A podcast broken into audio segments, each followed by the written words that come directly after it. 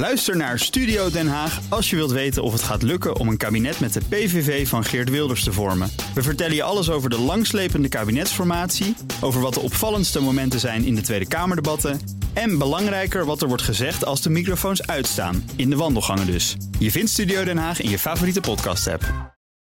The Friday Move wordt mede mogelijk gemaakt door TUI. Discover your smile. BNR Nieuwsradio. The Friday Move. The House has put its confidence in this government. Het is nu natuurlijk aan de Britten om aan te geven wat zij willen. Uh, en daar kreeg ze nogmaals te horen dat uh, het land zou worden uitgezet. Wilfred Gené. Het is de week van de verpletterende nederlaag van mee in het Talpen. De ene na de andere RTL-ster weggekaapt. Dit is de Friday Move live vanuit een afgeladen Skylounge... voor het Dobbeltje bij Hilton Hotel in Amsterdam.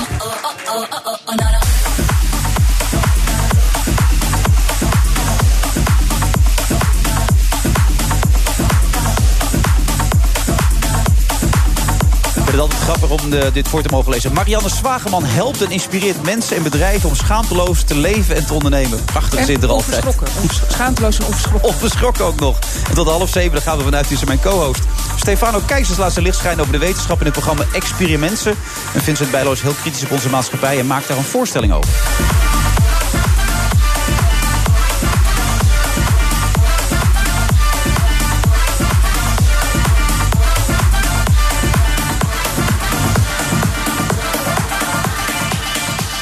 En u heeft het dus leven gehoord. 18 januari, we zitten dus in de Sky Lounge. Ik zei het afgeladen vol. U kunt er misschien nog bij, maar ik, nou, ik denk dat dat lastig gaat worden. Nee, wordt er geschud. Nou ja, ik zal het toch proberen als u wil.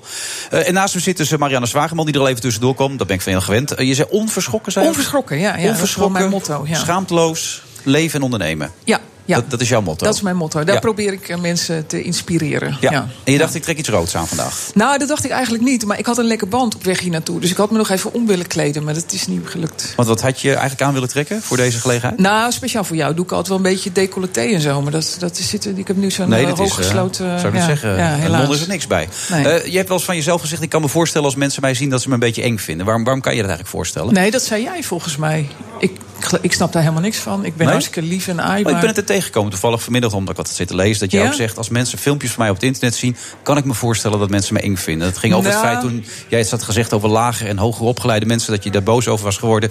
Dat was een oh, ja. vrij fanatiek filmpje. Toen... Dat is een vrij fanatiek filmpje. Maar het leuke van dat filmpje is... dat is 12 miljoen keer bekeken. Zo. En uh, dat is voor een filmpje wat viral gaat op internet echt bizar ja, veel. Dat is echt heel en veel, normaal gesproken moet er dan wel iets met, met naakt... of iemand moet zijn nek breken.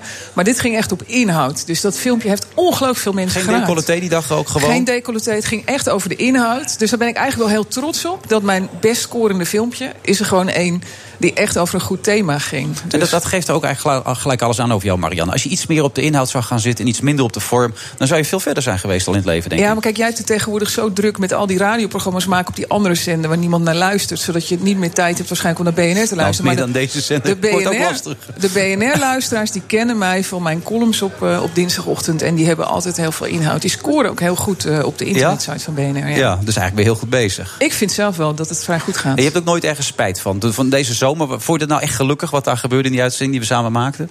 Dat je zei dat Johan Derksen stonk en dat het leek alsof hij uit een caravan Nee, kwam waar ik- een mens had, eh, een lijk in had gelegen. Ik zei zo. niet dat hij stonk. Ik zeg dat hij eruit ziet alsof hij stinkt. Ja.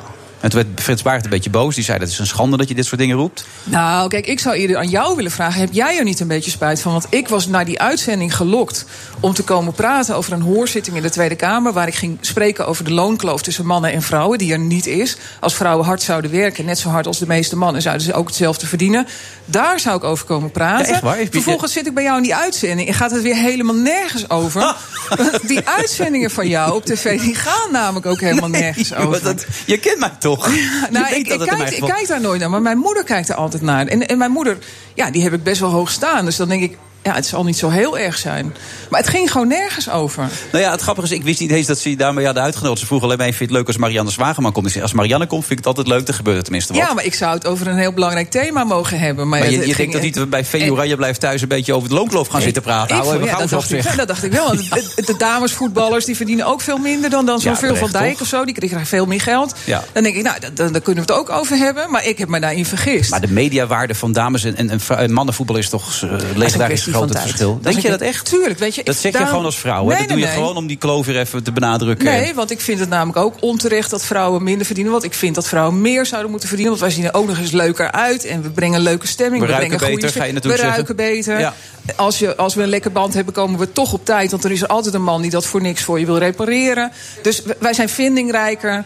Dus ja, ik vind op zich dat wij meer zouden moeten verdienen. Maar heb je ook genoeg weerstand? Ik bedoel, als het een beetje erop aankomt, doorpakken enzovoort, eh, langer doorwerken enzovoort, jullie dat ook goed? Nee, dat kunnen vrouwen dus helemaal niet zo goed. En daarom verdienen ze minder. Omdat ze gewoon ook niet bereid zijn om, om hard genoeg te werken. Uitzonderingen daar gelaten, zoals jij. Ja, nou, ik werk ook niet zo heel hard hoor. Nee? Nee, daar ben ik te oud voor. Nou ja, ze wilde jou bellen voor een voorgesprek. Waarom weet ik ook niet. Want we Nee, moeten, we moeten met een voorgesprek met jou mee moeten hebben. Maar Nee. je had het zo druk, je was niet bereikbaar. Nee, ik- ja, dit is mijn, druk, dit is mijn oogstseizoen. Hè. In januari zijn natuurlijk al die nieuwjaarsrecepties. En dan nodigen die ondernemers mij allemaal uit. Dus ik, ik ren echt van Breda naar Vinkenveen naar Zwolle... om, om overal eh, mijn lezingen te houden. Om ondernemers te helpen dit jaar goed te Maar wat, wat, wat is dan jouw boodschap nu? In dit nieuwe jaar, wat is jouw boodschap dan? ja. Waar komt die op neer? Nou, kijk, waar ik nu vooral gisteravond stond ik bijvoorbeeld door een hele groep ondernemers. Die heb ik ook gefeliciteerd. En gezegd: jullie gaan zo ongelooflijk profiteren van dat klimaatakkoord.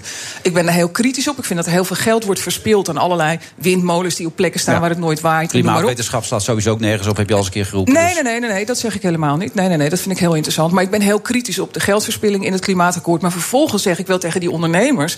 zorg dat je het emmertje gaat opbehouden... daar waar al dat geld vanuit Den Haag valt. Want natuurlijk kun je daar als ondernemer enorm van profiteren. Dus het ziet er goed uit voor de meeste ondernemers? Of Heel in veel een bepaalde sector alleen? Nou, heel veel ondernemers. Zorg dan dat je in die sector komt. Hè? Dus Ja. eh, er is natuurlijk nu ongelooflijk veel geld te verdienen in die hele duurzaamheidsindustrie.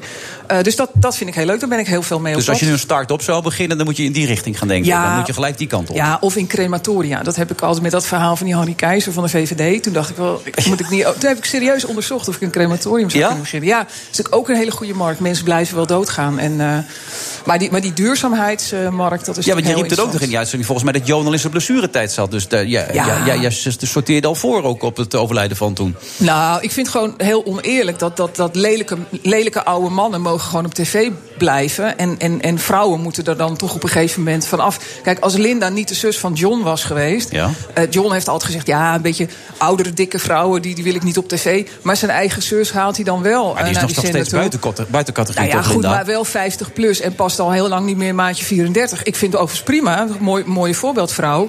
Maar dat, dat is allemaal een beetje hypocriet. Maar Linda heeft toch dat wat Mies Bouwman ook had. Dat je daar zo. Ze heeft een warmte en een, uitstraling die weinig mensen op tv Ja, hebben. tuurlijk. Maar zij is wel een van de uitzonderingen van vrouwen die boven de 50 nog gewoon mee mogen doen. En die mannen ze mogen gewoon niks aan, toch, schaamteloos oud en lelijk worden. Ja. Dat vind ik een beetje jammer. Ja, sommige mannen worden er ook nog wel knap oud. Of zit dat er niet in? De meeste worden gewoon helemaal Jawel, jawel. Ja? Een hele leuke man zit daar. ja? Ken je hem goed? Of Ja, ik ken hem wel goed. Ja? Ja. Date of niet? Nee, ik date al heel lang niet meer. Nee, je hebt alleen seks, toch? Nee, nee hoor, nee, het is mijn man. Oh, is dat je man? Is het echt een relatie dit? Ja, maar je wilde geen relatie, heb je altijd gezegd. Nou. Je wilde geen vastigheid meer. Oh ja? Ja, ik bedoel, weten, vertel mij wat. Jij hebt altijd gezegd, ik wil geen vastigheid meer. Dat heb ik gehad. Ooit een man, een huis, een boerderij, noem het allemaal maar. Ik hoef het We niet meer. zitten bij BNR, misschien een beetje zakelijk houden. Nee, dat lukt bij mij niet in dit programma. Je weet hoe dit programma werkt. Ja, maar ik wil je toch een maar je beetje hebt dus nu... Dit, is je relatie. Hallo? dat is mijn man, ja. Hoe heet hij? Nee, ik ga daar verder niks over zeggen. Nou, je, je haalt het zelf aan. Daar kan ik toch niks Ja, aan doen? god, je begint erover. Nee, ik begon er niet over. Ik begon over het feit dat je mooi oud kon worden. Toen zei ja, daar zit er één. Nou, ja. kan Hoe heet hij dan? Kan je niet ontkennen. Nee, ik kan daar niks over zeggen. Nou, nee, dan vraag nee, ik dat hou zelf aan. privé. Ja. Hou je dit vol tot half zeven? Zeker. Oké, tot zo na de reclame.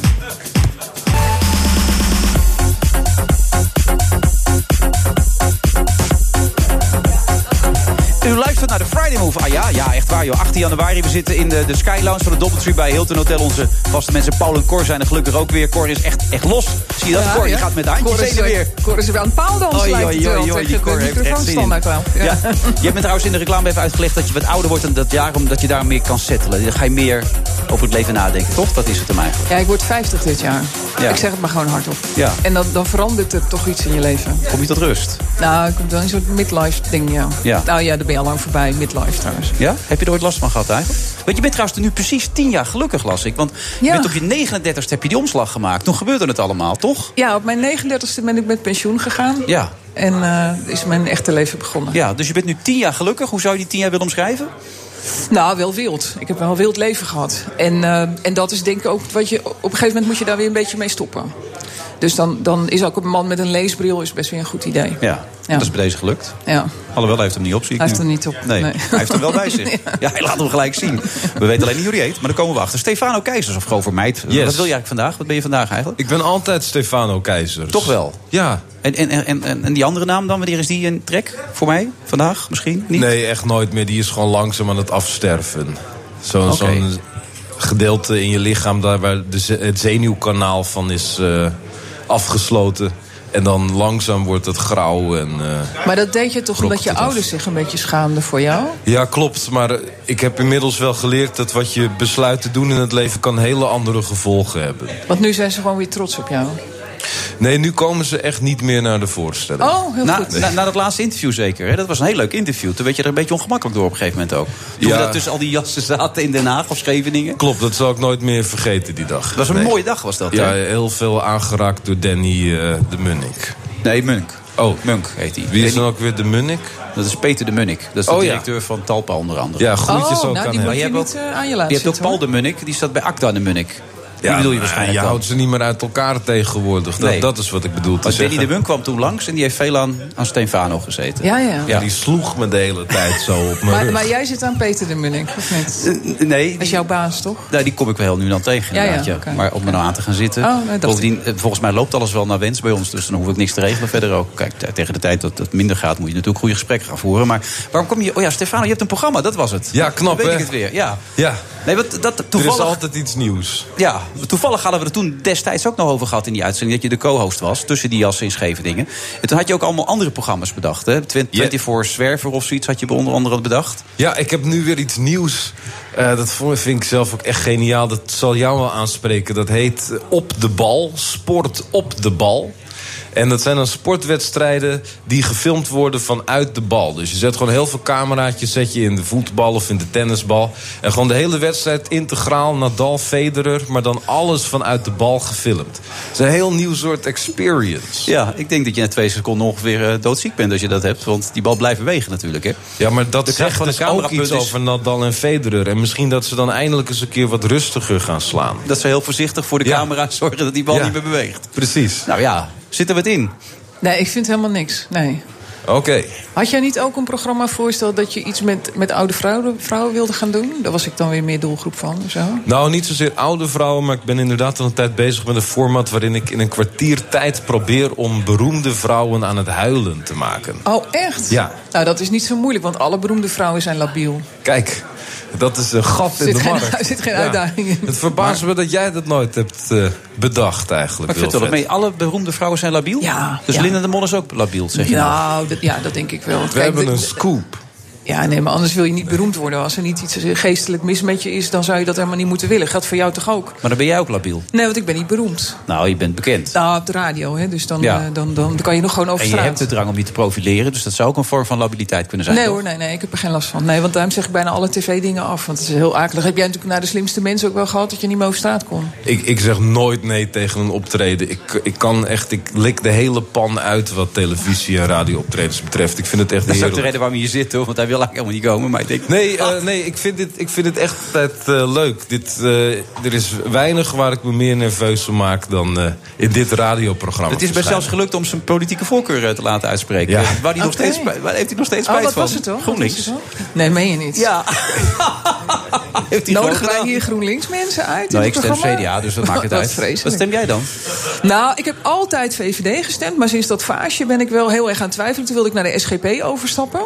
Die doen wel dingen met, met vrouwen en homo's en, en, en, en doodstraf en zo... waar ik niet zo heel erg achter sta. Maar, Maar ehm, over het algemeen zijn die lekker bezig, die jongens, toch? nou, ze stemmen wel vaak zoals ik ook zou stemmen. Dus, eh, maar goed, ik, ik, ik ben zwevend nu. Ja, maar SGP is echt een optie ook naar de uitspraken onlangs weer van... eh, Nee, sindsdien twijfel ik dan ook weer aan Kees. Ja, ja, en ja. Rob Jet is ook niks voor je waarschijnlijk? Nee, dat is, dat is niks. Nee, nee. Nee. Dus, de, de, dus de- er zijn dus heel veel zwevende VVD-kiezers. Ik kom dus heel veel in het land bij ondernemersverenigingen. die gaan naar het Forum voor Democratie toch toe allemaal? Dat gaan is- heel veel naar Ja. toe. Ja, ja, ja, dat klopt. En, eh, maar dat, dat ga ik dus niet doen. En dan, ik denk dat er een hele grote groep is zoals ik... die vinden dat ze eigenlijk geen VVD meer kunnen stemmen. Met name ondernemers, die lopen echt weg. Blijkt ook uit het laatste onderzoek van VNO-NCW. eh, dat heel veel ondernemers die altijd VVD gestemd hebben... dat nu niet meer gaan doen. Maar die kunnen eigenlijk nergens naartoe. Dus Nee. dat, dat is een enorm gat in de markt. Maar ik hoor je net zeggen, SGP... Een soort vluchtelingencrisis Ja, eigenlijk. ja, ja, ja. Daar lijkt het wel op meer. Er zit misschien ook een programma-idee in, eh, Stefano, of Ja. niet? Ja. Maar je hebt nog iets anders bedacht... wat ook daadwerkelijk op tv gaat komen, toch? Nou, het komt op tv omdat ik het niet zelf heb bedacht. Oké, dat is de reden. Het is bedacht eh, door Tuvelin de Avro Tros. En het is een grote eer om eh, dat voor hen te mogen invullen op mijn eigen manier. Ja, experimenten heet het. Ja. En dat is de, wat is de basisgedachte? Want je moet altijd een goed idee, zegt John de Mol... in twee zinnen kunnen uitleggen. Proefkonijnen, maar veel leuker. Nee? Oké. Nee, nee, daar kunnen we niet veel mee, Stefano. Dit is niet echt bakken, pakkend dit, hoor. Nee? Nee. Oh, ja, de- het woord leuk is misschien niet meer van deze tijd. Nee, maar proefkonijnen, maar dan veel leuker. Ja, nee, maar het, het lijkt ook totaal niet op, eh, op proefkonijnen. Het Wat is begin- proefkonijnen? Dat is gewoon ook een programma. Ja, kijk, er is elke twee, drie jaar besluit de publieke omroep... dat ze weer iets over de wetenschap willen doen. En dan vervolgens zegt iemand anders aan de vergadertafel... ja, nee, maar dan, het moet wel een beetje luchtig blijven... anders haken de mensen af. En dan besluiten ze dus om een humoristisch wetenschapsprogramma te maken. Met jou? Nou, dat is in het verleden ook wel eens zonder mij gedaan. En dat was dan altijd een ramp. Maar gelukkig ben ik nu eindelijk boven komen drijven... om het echt op een leuke manier te doen. Een vette manier bedoel ik. Ja? Als leuk dus niet meer bevalt. Maar wat wordt er dan leuk aan, precies? Je ziet me heel erg veel lijden. Eh, je ziet heel veel mensen verbaasd in de camera kijken... en op beeld mompelen, hoort dit erbij? Eh, dat is eh, uniek wat mij betreft op de Nederlandse televisie. Ik raak voortdurend mijn presentatiekaartjes kwijt. En eh, er zit heel veel actie in. Maar als, Dus, het- als je eh, dat één of twee keer gedaan hebt... dan is die, dat grapje, grapje toch ook wel bekend, neem ik aan. Dan is het kuntje toch ook wel gezien. Nou, sommige grapjes worden beter als je ze heel erg vaak herhaalt. Zoals de hele tijd mijn politieke voorkeur benoemen. Dat is drie jaar geleden. Ik heb één keer in mijn leven op GroenLinks gestemd. En dat was omdat het moest van een vriend die twee koppen groter was dan ik. En die was met de een of andere esoterische olie bezig. En toen, eh, toen ben ik op GroenLinks gaan stemmen. En ja, toen eh, zat ik toevallig de dag eh, daarna hier eh, naast Wilfred. En ja, nu ben ik dus... Kijk, toen ik meedeed aan de slimste mensen... heb ik per ongeluk Klaas Dijkhoff heel veel voorkeurstemmen bezorgd. Door dus de hele tijd hem een leuke grap te laten maken dan dat ik deed. En, en nu ben ik GroenLinks dus aan het supporten. Terwijl dat soort dingen maken me helemaal niet uit. Het gaat me om de wetenschap... en of die nog een beetje luchtig gebracht kan worden. Maar probeer nog even iets meer over dat format te vertellen. Wat gaan we nou precies zien? Het is eigenlijk. Ik ben, het is begonnen met Diederik Stapel. Ik weet niet of je nog weet wie dat is. Ja? Dat, nou ja, het- dus een onderzoeker die heel veel, veel onzin verzon, maar daarmee wel het nieuws haalde. En eigenlijk het hele programma is uitgegaan vanuit het idee. Er zijn op de achterklap van nu.nl staan heel veel hele heftige uitspraken over zogenaamd wetenschappelijk onderzoek. Weet je wel, dingen als panda's leren drie keer zoveel als ze fietsen dan wanneer ze waterboarden of zo. Of de ijsbeertjes gaan dood. Dat soort Ook dingen. zo'n hoax die maar Ja. terug blijft komen. Dus nou ja, dat soort berichten hebben me heel erg aangesproken. Toen ben ik gaan denken, oké, wat als ik nou al die berichten letterlijk ga nemen? Dus ik ga al die actuele wetenschap... waar mensen op Facebook en Twitter eh, links van delen... die ga ik gewoon letterlijk nemen. En ik ga besluiten dat die kennis echt is. En dan met die kennis aan de hand ga ik hele gevaarlijke dingen doen... om te kijken of die wetenschap ook klopt. En dat gaan we zien. Dat gaan jullie zeker En daar zien. ga je dus heel veel door leiden. Ja. Het zijn een beetje van die challenges die op YouTube gebeuren eigenlijk. Die weer verboden gaan worden. Nee, eh, ik heb alle challenges op YouTube gezien. Ik kan echt garanderen, we doen niets dat ooit al eerder is gedaan. Ik ben echt nog wel één stap verder gegaan in het doordenken... wat we met de wetenschap nou nog zouden kunnen. Dus gegarandeerd, het komt allemaal uit mijn hoofd. Dus dat zie je niet op YouTube. Nee. En ik zag dat Maxime Hartman er ook een rol in heeft. Wat doet Maxime dan? Ja, die zit er elke aflevering bij. Ik weet ook niet waarom. Hij zit er ook alleen maar bij eigenlijk gewoon. Ja, eh, je Hey, krijgt... klusser! eh, Die, toch? Precies, en een heel nieuwe dimensie aan Maxim Hartman wordt toegevoegd... want bijna al zijn tekst is eruit geknipt. Dus ja, maar dan kan je alleen nog naar hem kijken en dat is niet echt een feestje. nou ja... Eh, kijk, ik heb altijd geleerd dat stress is in een mensenleven evenredig. Dus we hebben altijd als individu evenveel stress. Alleen soms is al die stress op één vlak gevestigd... en soms is die stress helemaal zo uitgesmeerd over dingen... dan merk je het bijna niet meer.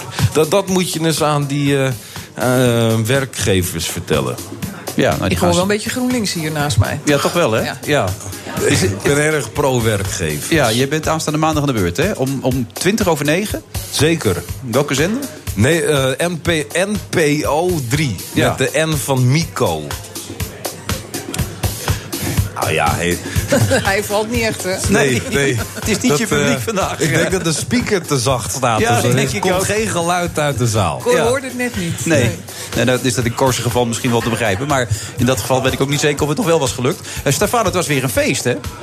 Wat? Nou, wat, weet ik niet. Maar dat je hier was, bedoel ik eigenlijk. Nee, ik vind het altijd heel erg leuk. Het gaat ook zo snel voorbij. Ja. Jammer? Ja, de je vorige keer als co-host was ja. ik wel heel erg moe. Nee, oh ja, dat moet ik nog zeggen, Wilfred. Dat, eh, dat is heel goed nieuws voor jou. Ik ben dus ook gaan onderzoeken of ik met elektroshocktherapie en zo sneller kan gaan leren praten. En dat gebeurt, hè, nu? Nou, ik mag van de Avrotros contractueel nog niet laten zien of dat dan wel of niet gelukt is. Nou, je doet het nu al een klein je, beetje. je vindt echt dat ik sneller Dat ben gaat, gaan nee, dit praten? laatste stukje, een paar laatste zinnen gingen sneller. Wauw. Probeer nog één keer. Tot zover. Hallo, hallo, hallo. Hal- ik weet niet meer wat ik moet zeggen. Oh, ik heb nog eh, dat boek dat ik eh, de vorige keer vergeten was. Oh ja, dat haal je nu uit je oksel. Ja. Wil je dat nog? Ja, heel graag. Ik heb er maar één. Ik wist Oh, niet dat er een co-host zou zijn. Wij delen het wel. zo- Ja. Ik kan, nog, oh, kan ook nog heel snel even met links er iets inschrijven. Want Nou ik heb ja, dus ook geleerd om linkshandig te worden. Ja. Ruikt, ruikt, ruikt. Stefano een beetje goed, eh, Marianne, of niet? Ik eh, durf het niet aan bij GroenLinksers. Oké, tot zover. Stefano, ben van de Piratenpartij. Tot Shout zo, out na naar de. Piratenpartij. BNR Nieuwsradio. The Friday Move. I shall vote no. En ehm, nou, premier May heeft aangekondigd dat ze maandag met een nieuw voorstel eh, komt. Clear the lobby! Wilfred Genee. Ja, geluk zit hem niet in perfect lijf. Vindt Faya Laurens toch heeft ze er een nieuw boek over geschreven. De Cellulite Guide. En Marianne Zwageman zit er ook nog, zie ik. Oh, leuk man.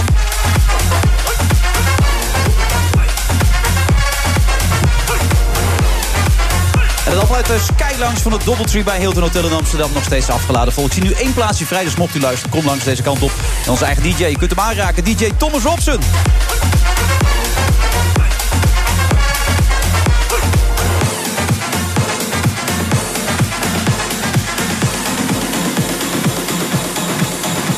Voor mensen die op eh, social media wat willen doen... BNR Friday Move, Wilfred Gené, Marianne Zwageman... Faya Laurens, nou ja, noem ze allemaal maar volgens mij, toch? Ja? ja? Marianne Faya ZW. Marianne ZW. Faya official. Faya Laurens ben ik niet eh, op eh, social media. Faya officieel ben jij. Maar jij hebt Ja. je naam toch net? Ben jij niet met een Y nu of met een... Altijd hoor. Maar ook nu op de boeken. Ja, precies. Ja. Ja. Ja, Maar hoe lang is dat zo dan? Nou, wel al zes jaar zo- of zo zonder op, als DJ. En nu met de boeken, omdat ik in het buitenland ben ook. Omdat je anders Fadja zegt in het Engels. Klinkt minder, vind je? Ja, Fatja. Als je ja. een eh, vet boek maakt over vet verbranden.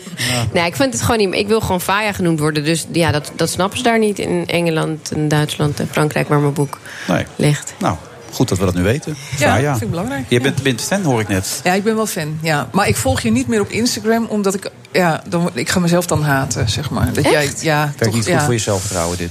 Nee, dus, dus ik wil ook zo, eigenlijk zo'n fit girl zijn. Maar dan ja, ga ik toch weer niet naar de sportschool.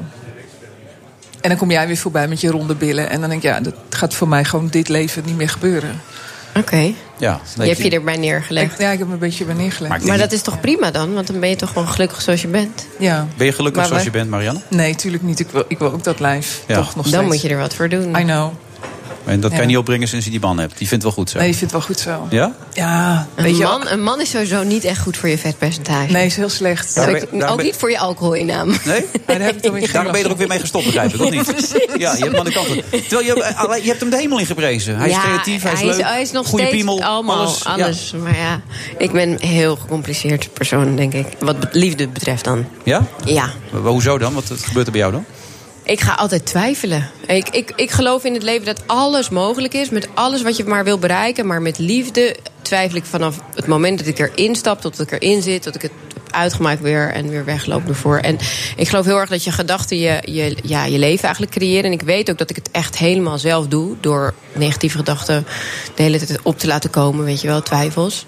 Maar op de een of andere manier ja, is het me nog niet gelukt om in op dat kader, zeg maar, in, mijn leven verandering. Nee, dan had je ook niet een geweldige basis, moet ik erbij zeggen. Je hebt genoeg over verteld een keer in deze uitzending met je opvoeding en zo. Dat was niet het rolmodel, zeg maar. Nee, zeker niet. Nee. Ik heb ook dat niet vanuit huis, huis uit meegekregen. Weet je wel, vadertje, moedertje, kindertjes en zo. Maar ik, ik zie dat wel bij anderen. Ik heb bijvoorbeeld Lieke. Nou ja, als ik naar haar ouders kijk... Denk ik Lieke Flexbond, ja, ja. dan denk ik altijd... wauw, die ouders zijn nog helemaal verliefd. En dan gaan, gaan hun, als, de kinderen gaan dan ook in het weekend... wel eens op de boerderij slapen met de kleinkinderen. Dan denk ik, oh, dat is wel echt perfect. Maar ja, ik zou dat wel willen, maar ja... En dan ga ik weer zeggen, het is niet voor mij weggelegd. Maar dat moet je dus niet zeggen, want dan saboteer je eigenlijk jezelf. Beetje therapie. Net zoals wat jij doet. Ja, ja een beetje nou, over je lijf. Kijk, nou, ik- maar je kunt, je kunt je ook bij neerleggen. Kijk, liefde is een heel complex eh, eh, thema. Ik heb daar ook wel, wel veel over geschreven in mijn, mijn boek Kluitjesvolk. En ehm, daar, daar heb ik een hoofdstuk dat heet... Je hoeft niet naar Marco Borsato te luisteren. Want Marco Borsato die zingt in een van die vreselijke liedjes van hem... eh, liefde komt ooit als ze niet meer vrij wil zijn. En, en dat is het volgens mij ook bij jou. Je hebt natuurlijk een hele vrije geest. En de kunst is juist om, om liefde te vinden terwijl je vrij bent. En, en, en ik leg ook uit hoe je dat moet doen. En dat komt erop neer dat ehm, liefde is er altijd als je vrij durft te zijn. En in jouw leven is er denk ik wel heel veel liefde. Maar dan op een andere manier. Dus, dus ik denk dat je dat niet zo negatief moet bekijken. Maar jij hebt waarschijnlijk een veel liefdevoller leven... dan een heleboel andere mensen die wel samen op de bank... in dat rijtjeshuis tv zitten te kijken s'avonds. Misschien wel, ja. Maar wel, ik ga je boek lezen, ik ben benieuwd. Maar, maar voel je je niet vrij als je in een relatie zit? Jawel, wel, dat wel. Ik voel me wel vrij.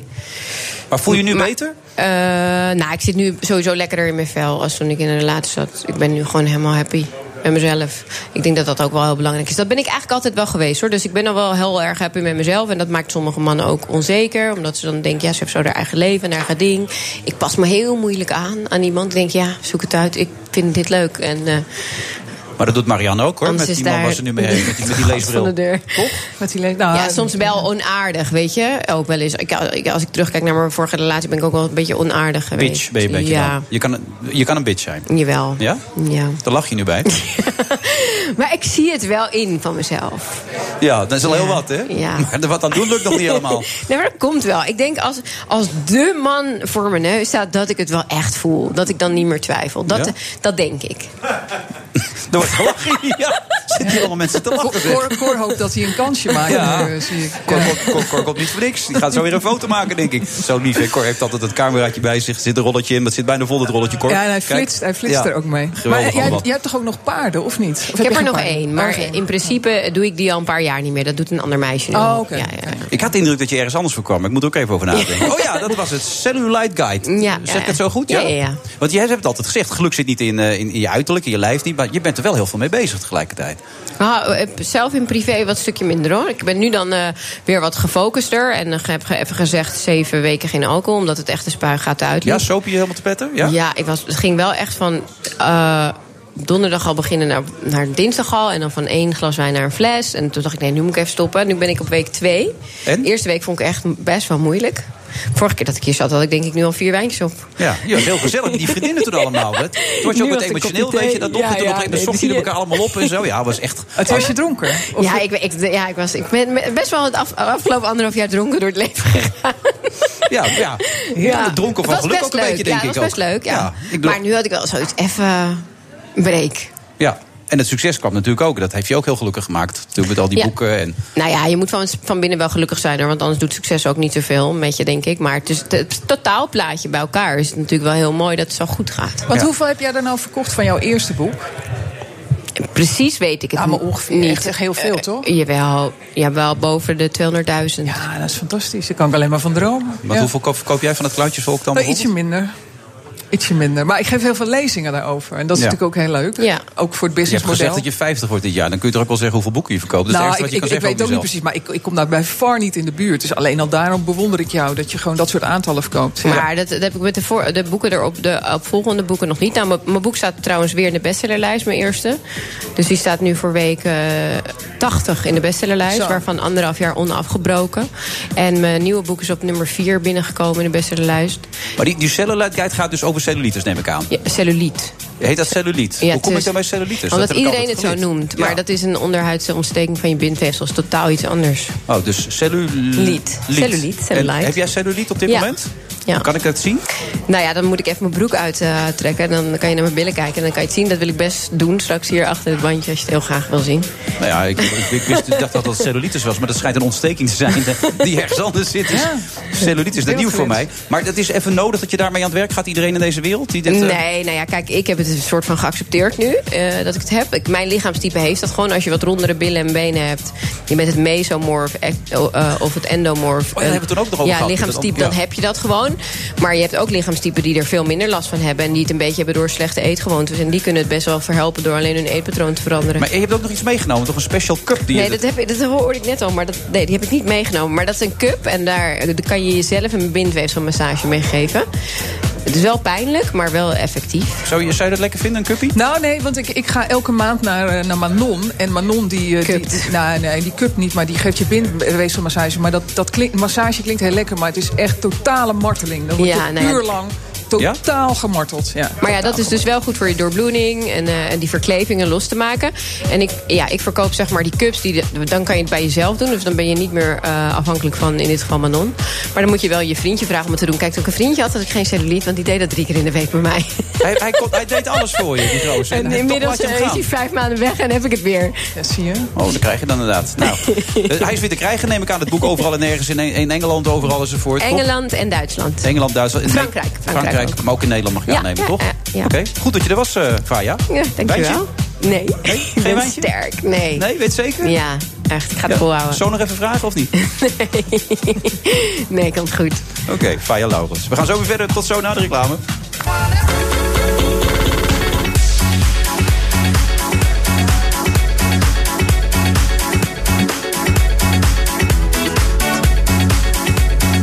Friday Move vrijdag eh, 18 januari. We zitten in de Sky Lounge, Doubletree bij Hilton Hotel in eh, Amsterdam. Nog steeds met Marianne Zwageman. Die zich voor haar doen keurig gedraagt tot nu toe, moet ik zeggen, Marianne. Ja, maar je hebt ook ontzettend leuke gasten. Dus ik hoef eh, niet eh, boos te worden op iemand of zo. Nee, maar je bent ook Ah, voorzichtig. Komt nog wel, komt nog wel. Dat is waar. Vincent Bijlo is aangeschoven. Het kan niet Ja. zo misgaan natuurlijk. Nee hoor, nee, ik ben dol op Vincent. Vincent en ik hebben laatst in de jury gezeten van de Podcast Award... die door BNR werd georganiseerd.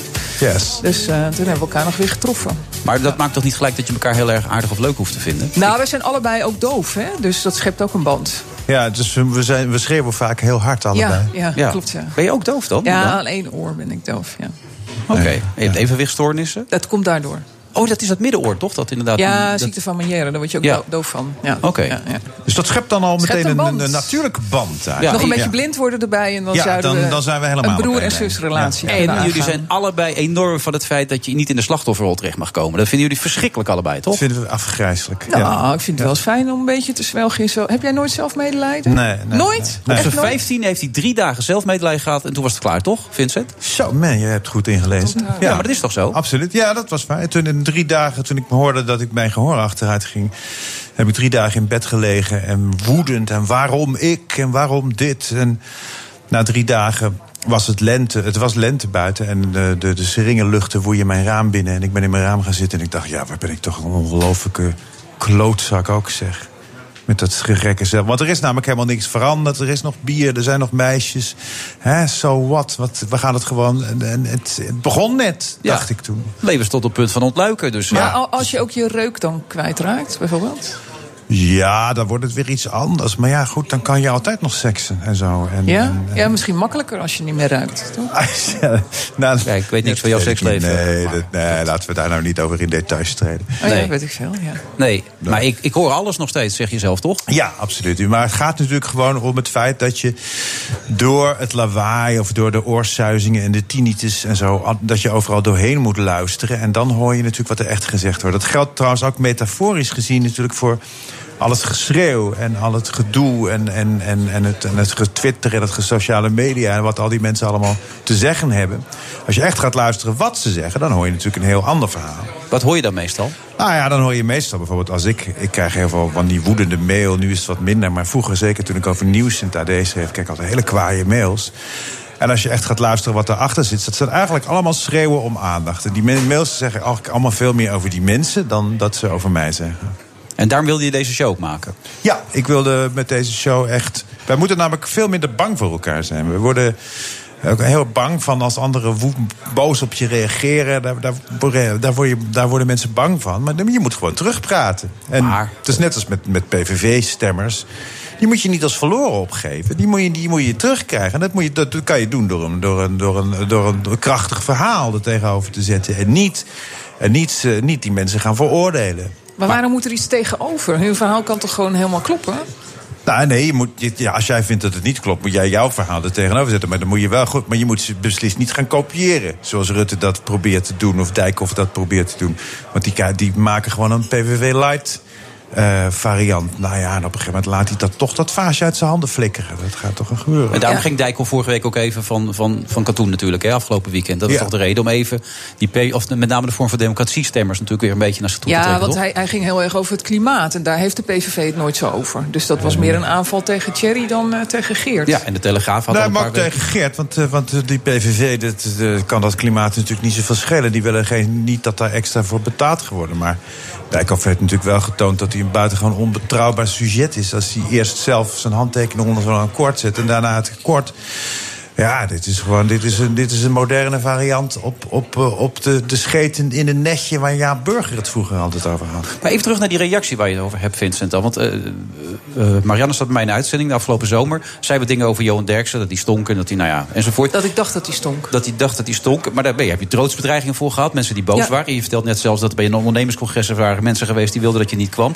Hoe moet je dan daar een tegengeluid laten horen? Hoe moet, hoe moet dat dan, als die Nou, mensen zo boos je zijn? moet, Je moet je eigenlijk eh, een beetje. Je, je, als, je moet eigenlijk toch. Dat kan als, je, als iemand zegt dat je stinkt, is dat moeilijk. Maar toch moet je het proberen los te koppelen van, van je eigen persoon. Dus er is namelijk een verschil tussen kwetsen en je laten kwetsen. En. eh, Heel veel mensen in Nederland laten zich veel te gemakkelijk kwetsen. Bev- Nou ja, de homo's door Johan Derks. Als hij zegt van die homo's die moeten zo moeilijk doen met, met, met de huilverhalen. oh, Dat zo moeilijk is om uit de kast te, ja, te komen. Dan laten al die homo's zich vreselijk op de kast jagen. Terwijl ik denk, ja, die Derksen die, die, die, die willen alleen maar dat er zoveel mogelijk knijpflessen Remia eh, worden verkocht voor Veronica. Dat is een rol, dat zegt hij ook zelf. Ja. En jij weet het, je zit erbij. Ja, maar dat zegt ja. hij natuurlijk ook zelf. Hoor je hem ook vaak zeggen. Als ik niet binnen een kwartier half Nederland heb beledigd... dan moet ik, wordt mijn contract misschien niet verlengd. Dus die zit daar, daarvoor. Je Dus zegt het ja. is een vorm, dus je weet waarom je het doet. Dus eigenlijk moet je juist niet de kast op jou laten Nee, jagen. natuurlijk niet. Want dan, dan doe je toch precies wat hij wil. Ja. Ja. En dat is ook het gevoel wat je wil overhouden. Dat de mensen uiteindelijk de zaal verlaten met het idee van... ik moet mezelf anders gaan bekijken. Ja, dat de mensen dat, dat ze absoluut niet kiezen voor die slachtoffersrol en voor die under, underdog-rol. Maar dat ze gewoon eh, zelf. Ja, de term in hun kracht staan mag je niet meer gebruiken. Hè. Die, is Die mocht echt- je nooit gebruiken, Nee, die is echt fout. niet. Die is Ja, fout. die is van deze nee, tijd, maar dat je wel, dat je wel eh, eh, zelfbewust bent. Hè. Dat, je, dat je echt gewoon. Ja, dat, is- dat, weet je, die, die, ik heb eens een mail gekregen van een vent en die zei van ja, eh, eh, jij, jij bent blind, dus je kan niks en je kan ook niet schrijven voor de krant, dus je moet een schrijfverbod krijgen. En als je dat voor de eerste keer leest, dan denk je oei, oei, oei, oei, oei. Ja. Terwijl dat, dat is, is zo'n man die gebruikt zoiets om mij op mijn veronderstelde zwakste plek te treffen. Dus dan moet je denken van ja. God, dat zegt die man alleen maar om, zijn eigen, om zichzelf een beetje te verheffen voor zijn eigen kleine kiks. Ja. Maar het is toch ook te makkelijk om het allemaal terug te spelen naar die andere mensen? Als jij dit toch even over die PVV'ers, weet je, dat is de tweede partij van Nederland. Ja. En, en die mensen hebben gewoon net zoveel recht op het hebben van een mening als, als jij en ik nee, maar en daarom iedereen. zeg ik ook. Daarom zeg ik ook. Je moet die mensen serieus nemen. Je moet ze niet als verloren voor je eigen partij. Dus je moet ze niet wegzetten. Want dat is wat iedereen altijd, wat heel veel mensen vaak doen. Ja, maar je kunt ook gewoon uitvoeren wat zij hadden gewild. Want zij zijn de tweede partij van Nederland. Dus je kan ze niet zomaar aan de kant eh, schuiven en zeggen: we gaan toch even allemaal anders Als doen. dat realistisch en als dat haalbaar zou zijn, dan kan, je, dan kan je dat natuurlijk uitvoeren. Ja, maar dan moeten ze ook wel verantwoordelijkheid willen nemen door in die regering te gaan zitten. En dat hebben ze natuurlijk nooit gedaan. Want ze hebben gedoogd en toen het moeilijk werd, liepen ze weg. Jawel, maar Rutte heeft wel beloofd na de laatste verkiezingen... eh, ik ga niet met de PVV samenwerken... maar ik ga wel hun kiezers vertegenwoordigen in mijn beleid. Nou, dat doet hij dus gewoon Ja, maar niet. Rutte is net zo'n onbetrouwbaar sujet als Dijkhoff. Erger, denk ik. Ja, nog erger. Maar Nog juist veel. die politici gebruiken toch op dit moment die angst van de Nederlanders... om ze juist aan zich te binden, waar jij het over hebt. Ja, dat doen ze, absoluut. Ja. bedoel, Maar dat doet dit Geert Wilders toch als geen ander... met de dreiging van de islam en alles wat er van buitenaf naar binnen gaat komen. Toch? Ja, nee, maar dat, dat doen ze allemaal. Of het, eh, en en het, ergste is nog wel de angst voor de angst. Want volgens mij regeert de angst voor de angst. Voor de angst voor de angst zijn wij het bangst. Men Zeg leidt het meest mijn van het eh, lijden dat men vreest, toch? Daar komt het een beetje wel op neer. Eh, uiteindelijk moeten we van die angst af. Wat voor maatschappij zouden we moeten creëren dan met z'n allen, Vincent? Een maatschappij waarin iedereen eh, in rust met elkaar omgaat en elkaar ziet. En elkaar gewoon. eh, als, je, als je elkaar ziet, word je ook gezien door de ander. Dat, zo'n zo'n maatschappij moeten we krijgen. Waarin we elkaar altijd serieus nemen. Ook al denken we van: Jezus, wat is dit nou voor vreselijke praat die die ander verkondigt. En dat moet met ook een beetje humor en een beetje zelfspot. Moet met enorm veel humor. En eh, ja, nee, want humor is de olie, de olie in de motor des levens, zal ik maar zeggen. Ja, dat is toch zo, Marianne? Een beetje humor om te lachen, hè? Ik hou ervan. Ja. Maak eens een grap. ja. Ja, nee. Dat, Nu, op commando. Dat, dat, dat kan niemand, zelfs Oh, een cabaretier Nou, niet, ik doe ook de Birdbox Challenge in mijn voorstelling. Wat is dat? De Birdbox Challenge, dus je geblinddoekt door het leven. Oh, de gaat. Birdbox. Oh, ja, ja, dat ja. is... het is, Mag niet eh, meer op YouTube, hè? Nee, nou, ik wel hoor. Ja, Oh, ja. ik mag, dat- ik mag Ja, dat gewoon meedoen, Ja, ja. ja. Ja, Op vincentbijlo.com kunnen we kijken waar je speelt de komende tijd, toch? eh Morgen in Zaamslag. Saamslag? Oud van gehoord? Nee. In Zeeuws-Vlaanderen. Oh, wat leuk. Bij Teneus. Saamslag? Zaamslag. En daar ja. zijn nog kaarten voor te krijgen? En ik weet dat er veel luisteraars zitten in Saamslag. Zaamslag, bij ja. BNR, Mensen, kom daar absoluut heen. Want er Ja? zitten nog maar zes mensen, geloof ik. Oké. Dat is jouw voordeel natuurlijk. Je ziet nooit of het vol zit of niet natuurlijk. Dat scheelt, toch? Of... Ah, ja, maar dat hoor je wel. Of dan kan je denken van hij zal lachen niet. Nee, merk je dat wel? Kun je dat echt voelen? Ja, Hoe zaal kan je is? heel goed merken. Ja, jawel. Ik merk, ik merk onmiddellijk of er veel mensen zijn of niet. Oké. Nou, morgen in Saamslag zit het vol. Dat weet ik zeker. Nou, misschien ga ik er ook nog wel even naartoe. Je weet het niet. Ik kom in ieder geval wel een keertje kijken dit eh, Nou, seizoen. leuk. Want had ik vorige keer al beloofd. Heel en dat heb ja. ik gewoon nog niet gedaan. Nee, nog niet gedaan. Maar dat kon ook nog niet, want ik ben er nog net, net begonnen. Ja, maar ik ga nu... Ik ben dit- daar weer heel ik erg ga nu- mazzel bij. Ik ga nu naar je kijken. Ja, leuk. Ja. Vincentbijlo.com. Daar kun je alles op bekijken waar je, waar je de komende tijd staat. En eh, Vincent, ontzettend bedankt. En ja, graag gedaan. tot snel. Tot snel. En wij zijn er ook weer. Tot zo, na de reclame. BNR Nieuwsradio. The Friday Move. The House has put its confidence in this government. Het is nu natuurlijk aan de Britten om aan te geven wat zij willen. Eh, en daar kreeg ze nogmaals te horen dat ze het land zou worden uitgezet. Wilfred Genee. Vanuit de Sky Lounge van het Doubletree bij Hilton Hotel. En ik zie dat Faya Lauwers nog steeds niet aan de wijn zit. Nou, nou, dat was echt knap natuurlijk. Ja,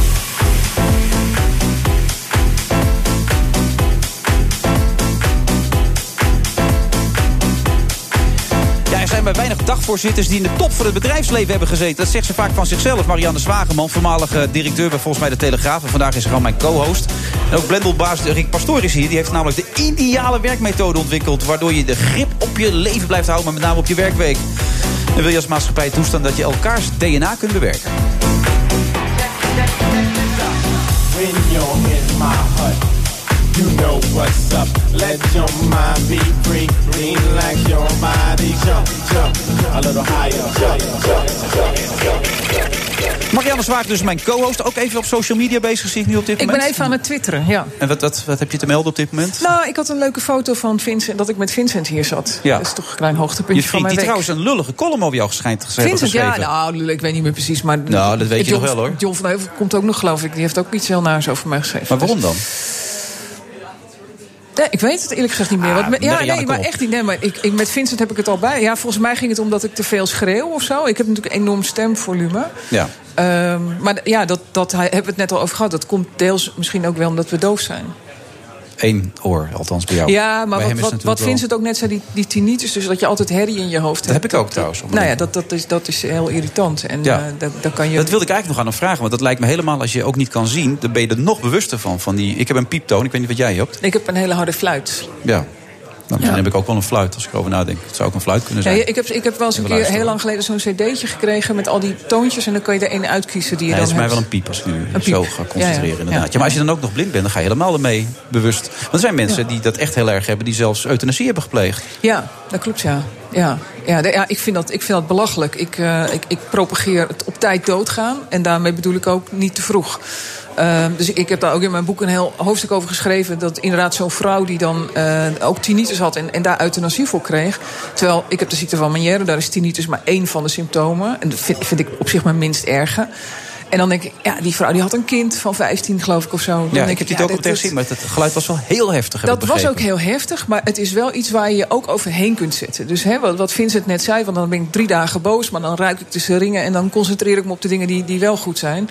Dus die vrouw had gewoon goede psychische begeleiding moeten Maar die had ze al volgens mij al een tijd. Ja, nou, dus niet de goede. Ja, maar is dat niet een beetje wat je nu het doet, wat Johan ook zegt... eh, homo's moeten niet zo moeilijk doen, uit uit de kast komen is hartstikke makkelijk? Dat is voor ieder mens is dat anders natuurlijk. Jawel, maar je kunt je er wel overheen zetten. En ehm, de dood vind ik dan zo'n makkelijke oplossing. Dan denk ik, ja, dat kan altijd nog. Waarbij ik overigens niet vind dat iedereen maar tot het einde moet blijven. Hè? Dus ik vind wel dat je op tijd dood moet gaan. Wat Dus is, tegen- wat is dan op tijd in jouw nou, dat is, dat is voor iedereen natuurlijk weer anders. Maar ehm, Eh, ik, ik vind altijd, het moet altijd tot het bittere eind moet het, moet het doorgaan. Hè? Dus zeggen, de, de laatste loodjes wegen het zwaarst. Nou, dan ga je eerder weg, lijkt mij dan. Ja. En, en we zijn altijd geneigd om te lang in relaties te blijven, in banen die niet meer leuk zijn. En, en ja, dat vind ik een beetje jammer. Dus ik, ik vind wel dat mensen eerder eh, zelf ook eh, misschien hun biezen moeten pakken. Ook in het leven. Je kunt ook zelf eerder wel besluiten dat je gaat. Maar ik vind 38 of zo was die vrouw, vond ik wel een beetje te vroeg. Met een kind ook nog wat je erbij schetst. Ja. Dat maakt het nog een... Ja, dat zou je niet moeten doen. Ja, maar zoals je bijvoorbeeld Cor in het leven staat, dat is, dan Ja. wil je eeuwig door natuurlijk, Nou ja, toch? Die, die man die woont hier volgens mij in het Hilton Hotel. Dus dat, eh, Ja.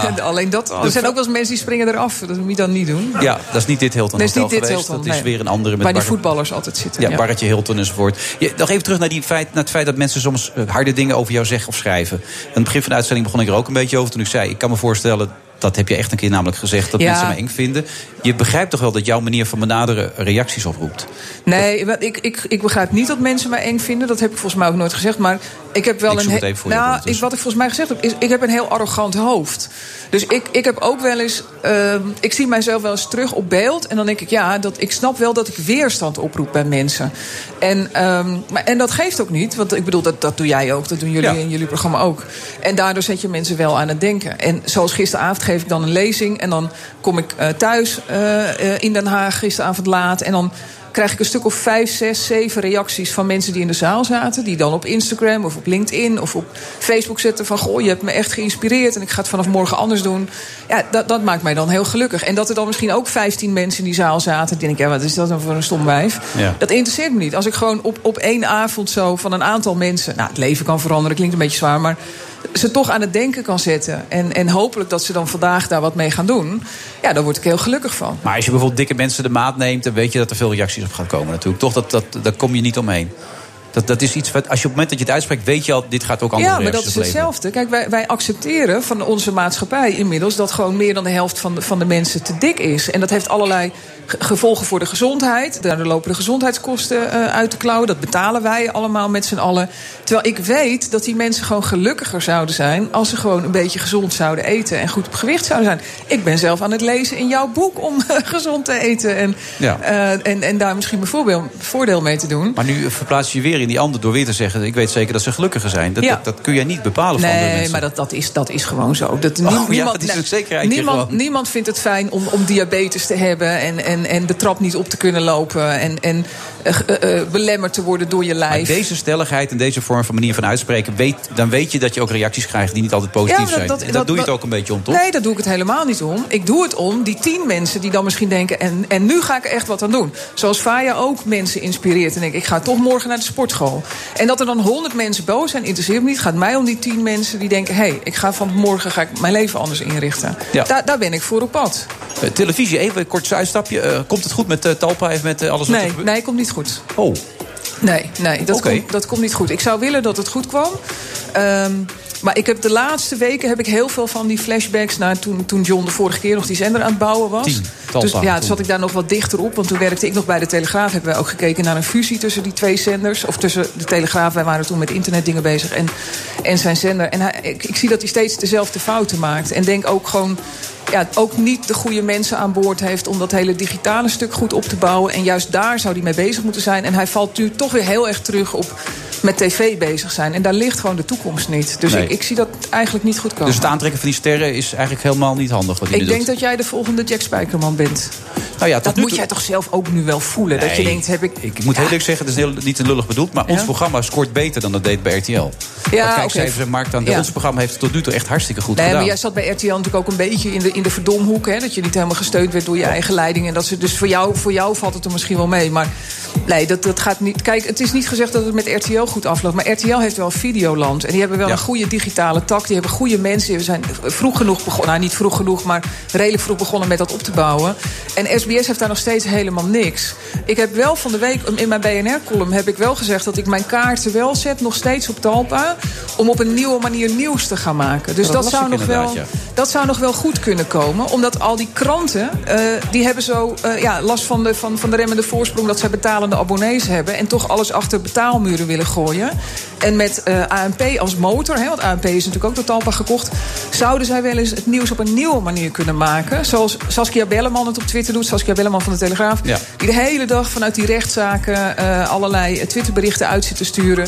Er is een hele grote groep, 6 miljoen mensen, die op die manier houden van het nieuws consumeren. En daar zou iemand in moeten springen. Maar dan moet John mij gewoon eens even bellen en mij inhuren. En dan ga ik dat uitleggen hoe ja, je dat moet doen. maar ik heb zijn nummer, ik kan het zo ingeven. Ja, ja? ja, is goed. Maar, maar je wil liever dat hij jou ik vind dat hij mij moet bellen. Ja, ik, ik, word- you. ik word altijd gebeld door opdrachtgevers, ik bel nooit zo. Ik zal tegen hem zeggen. We gaan zo verder, tot zo.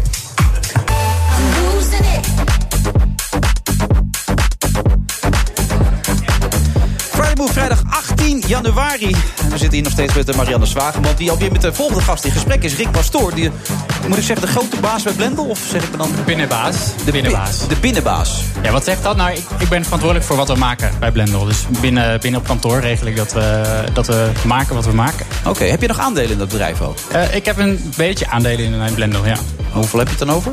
Eh, nou, een beetje, een beetje. Als werknemer eh, kun je aandelen eh, Oké, krijgen. nee, omdat je ooit zelfstandig ondernemer was... en toen ben je daar aan het werk gegaan, een aantal jaar geleden. Ik dacht, misschien ben je wel een onderdeel van het bedrijf. Ah je- ja, nou, het is een heel klein beetje. Heel klein beetje, maar voldoende om gelukkig mee te zijn. Eh, ja. Ja, je ziet er heel gelukkig uit namelijk. Ja, dankjewel. Ja.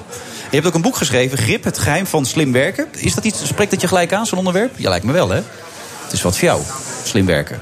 Nou, het is in zoverre slim is altijd beter dan hard. Ehm, maar ik had heel eerlijk gezegd, ik wil niet heel zuur doen, maar wel een beetje het idee, daar zijn toch al 10 miljard boeken ook over geschreven. Dus ik ben Nou. wel benieuwd, wat, wat is er dan, wat heb jij voor nieuws uitgevonden dat er niet al Ja, was? ja, ja. Nou, het is een hele terechte vraag. Kijk, ehm, het was een beetje. Ik moest eh, eigenlijk denken net eh, toen je zei van hé, hey, ik wil mensen inspireren om een stap te zetten in hun leven. Toen dacht ik, ja, dat is eigenlijk wat ik ook doe. Eh, maar ik krijg altijd dan de vraag, maar hoe, hoe dan? Dus Ja, eh, hoe ja. zet ik dan die stap naar een beter leven? Ehm, en, en mensen zeggen dat eigenlijk ook altijd over slimmer werken. Meer gedaan krijgen of minder stress. En dan zeggen we, ja, je moet dat gewoon doen. Of je moet gewoon minder, minder werken. Maar, dan, maar hoe dan? Weet je? Hoe krijg je dan je werk alsnog gedaan? Ehm, eh, dus, dus dat heb ik geprobeerd uit te leggen in dit, eh, in Ja, dit boek. Met als kern de agenda. Met als kern de agenda, absoluut. Want, want wat ik, waar ik in geloof is dat, eh, dat je begint bij je werkweek. dat je je werkweek inricht en vormgeeft. En eigenlijk doordat je dat doet... eh, nou ja, er ontstaat er ruimte voor, eh, voor grotere plannen en dingen. In plaats van andersom. Maar heel gedetailleerd. Je hebt zelfs eh, reistijd, alles erbij. Ja, ja, en ik merk dat mensen dat juist heel prettig vinden. Omdat ze dan denken, hé, eindelijk even een, een hele toegankelijke stap-voor-stap manier... die me helpt om gewoon mijn werk te doen. Want waar leer je dat? Dat is, het, dat is mijn... Ik, ben met David Allen geweest vorig jaar. Die was hier in Nederland, toch? In die kerk hier. Oh, ja. Dus grote kerk. Welke kerk was in een kerk? Een mooie kerk. Prinsengracht, daar. Hoe heet die kerk? Ik kom nooit in een kerk. Nee, ja, ik eigenlijk ook niet meer. Maar Nee. dat was ook kerk bij de Prinsengracht. Hoe heet die bij de Prinsengracht? Weet iemand hoe die kerk... Een hele grote kerk. De grote kerk? De grote kerk, het zal de grote kerk zijn. Westerkerk krijg ik door. Weet niet van wie, maar iemand roept de Maar Westerkerk. jij bent bij David Allen die zei, je moet gewoon lijstjes maken. Gewoon alles opschrijven. Ja, maar dat werkt toch alleen voor autisten? dat dacht ben, ik ben, dus jij, ben jij Asperger? nee. Maar mijn punt over die lijstjes is... Kijk, eh, ehm, eh, lijstjes zijn eh, oneindig.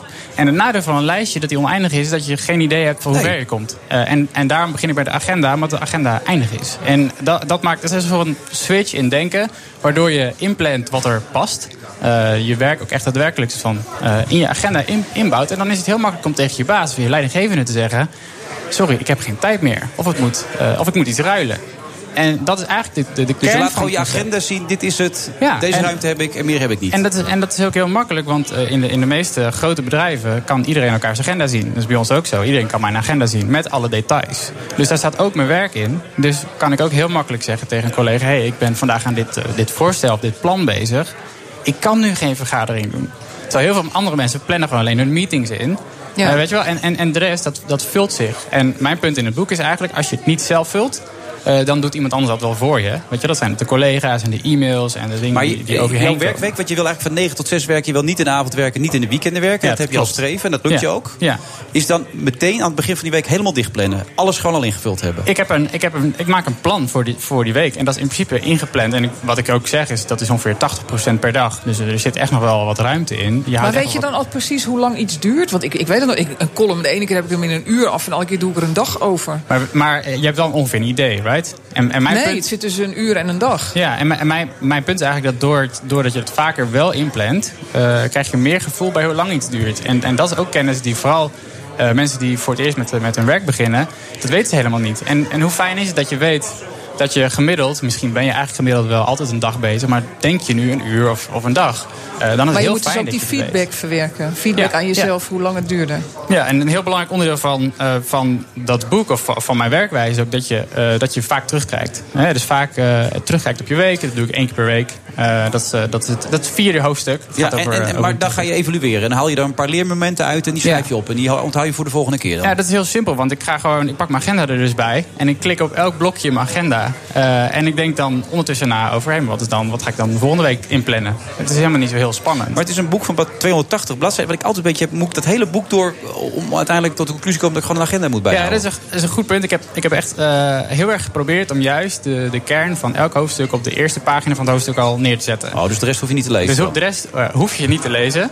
Ehm, eh, en het eerste deel gaat heel erg over die werkweek. Eh, en daar heb ik het nu alleen maar over gehad. Maar het tweede en derde deel gaan over eh, hoe richt je dan je jaar in. Eh, en wat zijn eigenlijk dingen die je nog voor de lange termijn, eh, wat je, waar je over na kan denken. Dus hoe kun je slimmer luisteren? Hoe kun je slimmer advies vragen aan, aan andere mensen om je heen? Hoe doe je dat Eh, bijvoorbeeld dan? Nou, met advies vragen, dat is een heel interessant ding. Want ehm, ik merk dat het, het gaat vooral over jonge mensen om me heen. Maar ook over allerlei andere mensen. Als ik dan zeg, heb je wel eens over iets waar je mee zit... aan iemand anders, een expert, advies gevraagd? En dan krijg je heel vaak als antwoord... eh, nee, want die mensen hebben toch geen tijd voor mij. Weet je, dat zijn toch mensen die zijn moeilijk te bereiken. Ehm, eh, terwijl als je dat gaat vragen, als je mensen een e-mail stuurt met een hele concrete vraag, hey, ik wil heel graag dit weten of ik wil heel graag beter hierin worden, eh, dan zul je merken dat heel vaak, eh mits je dat op een goede, vriendelijke, aardige manier doet en je op een juiste manier dat voor hen regelt, eh, dat ze daar echt wel tijd voor hebben. Wat je eigenlijk dus zegt, is dat mensen het veel te veel in vooroordelen zitten. Dat ze denken, het zal toch wel niet lukken. Dat is wat je Natuurlijk, eigenlijk dat, zegt. is, dat is een deel, maar, maar tegelijkertijd dan ook, geef ik ook een handreiking van hoe je dat dan concreet kan doen. Dus is één, inderdaad vooroordeel wegnemen. Maar twee is ook, ja, hoe kom je dan aan die mensen?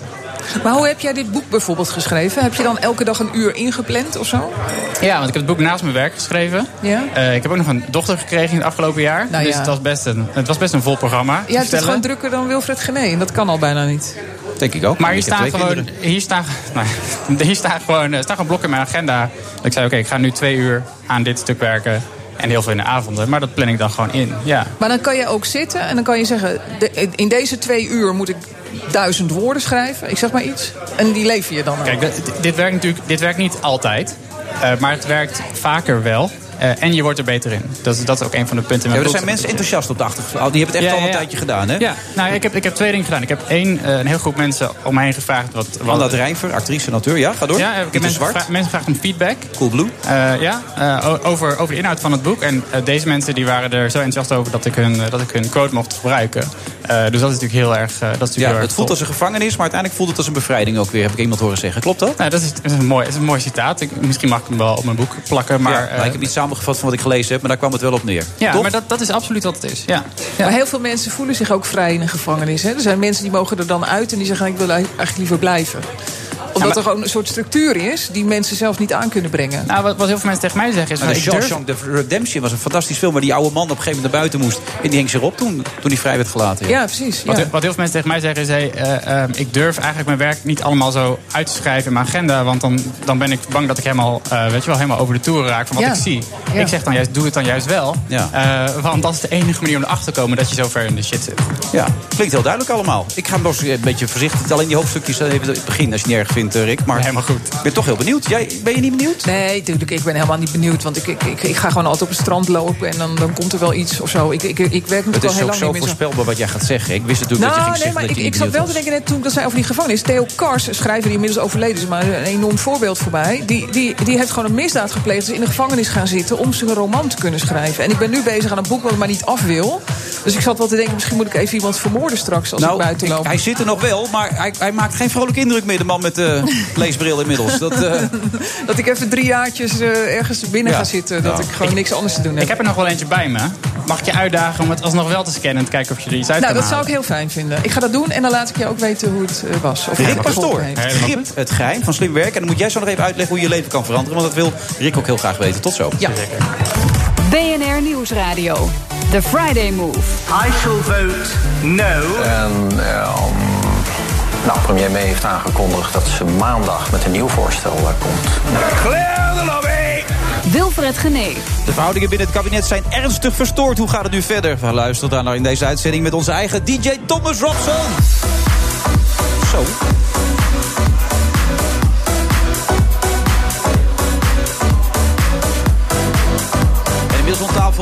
Politiek verslaggever Sophie van Leeuwen... en de PvdA-europarlementariër en een vaste vriend van deze show natuurlijk eigenlijk ook, Paul Tang.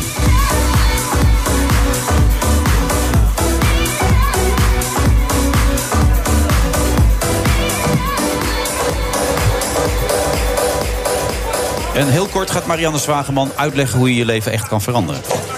Je leven echt kan Ja, veranderen. dat wilde namelijk zojuist de schrijver Ja. van het boek. Rick Pastoor Grip, het geheim van, van slim werken. Want hij zei dat ik het niet gezegd had. Ik had wel gezegd hoor, maar die wil dat graag weten. Die wil het graag weten. Nou, het belangrijkste is, eh, dat is ook eh, de ondertitel van mijn boek Kluitjeshoek... het hoeft niet.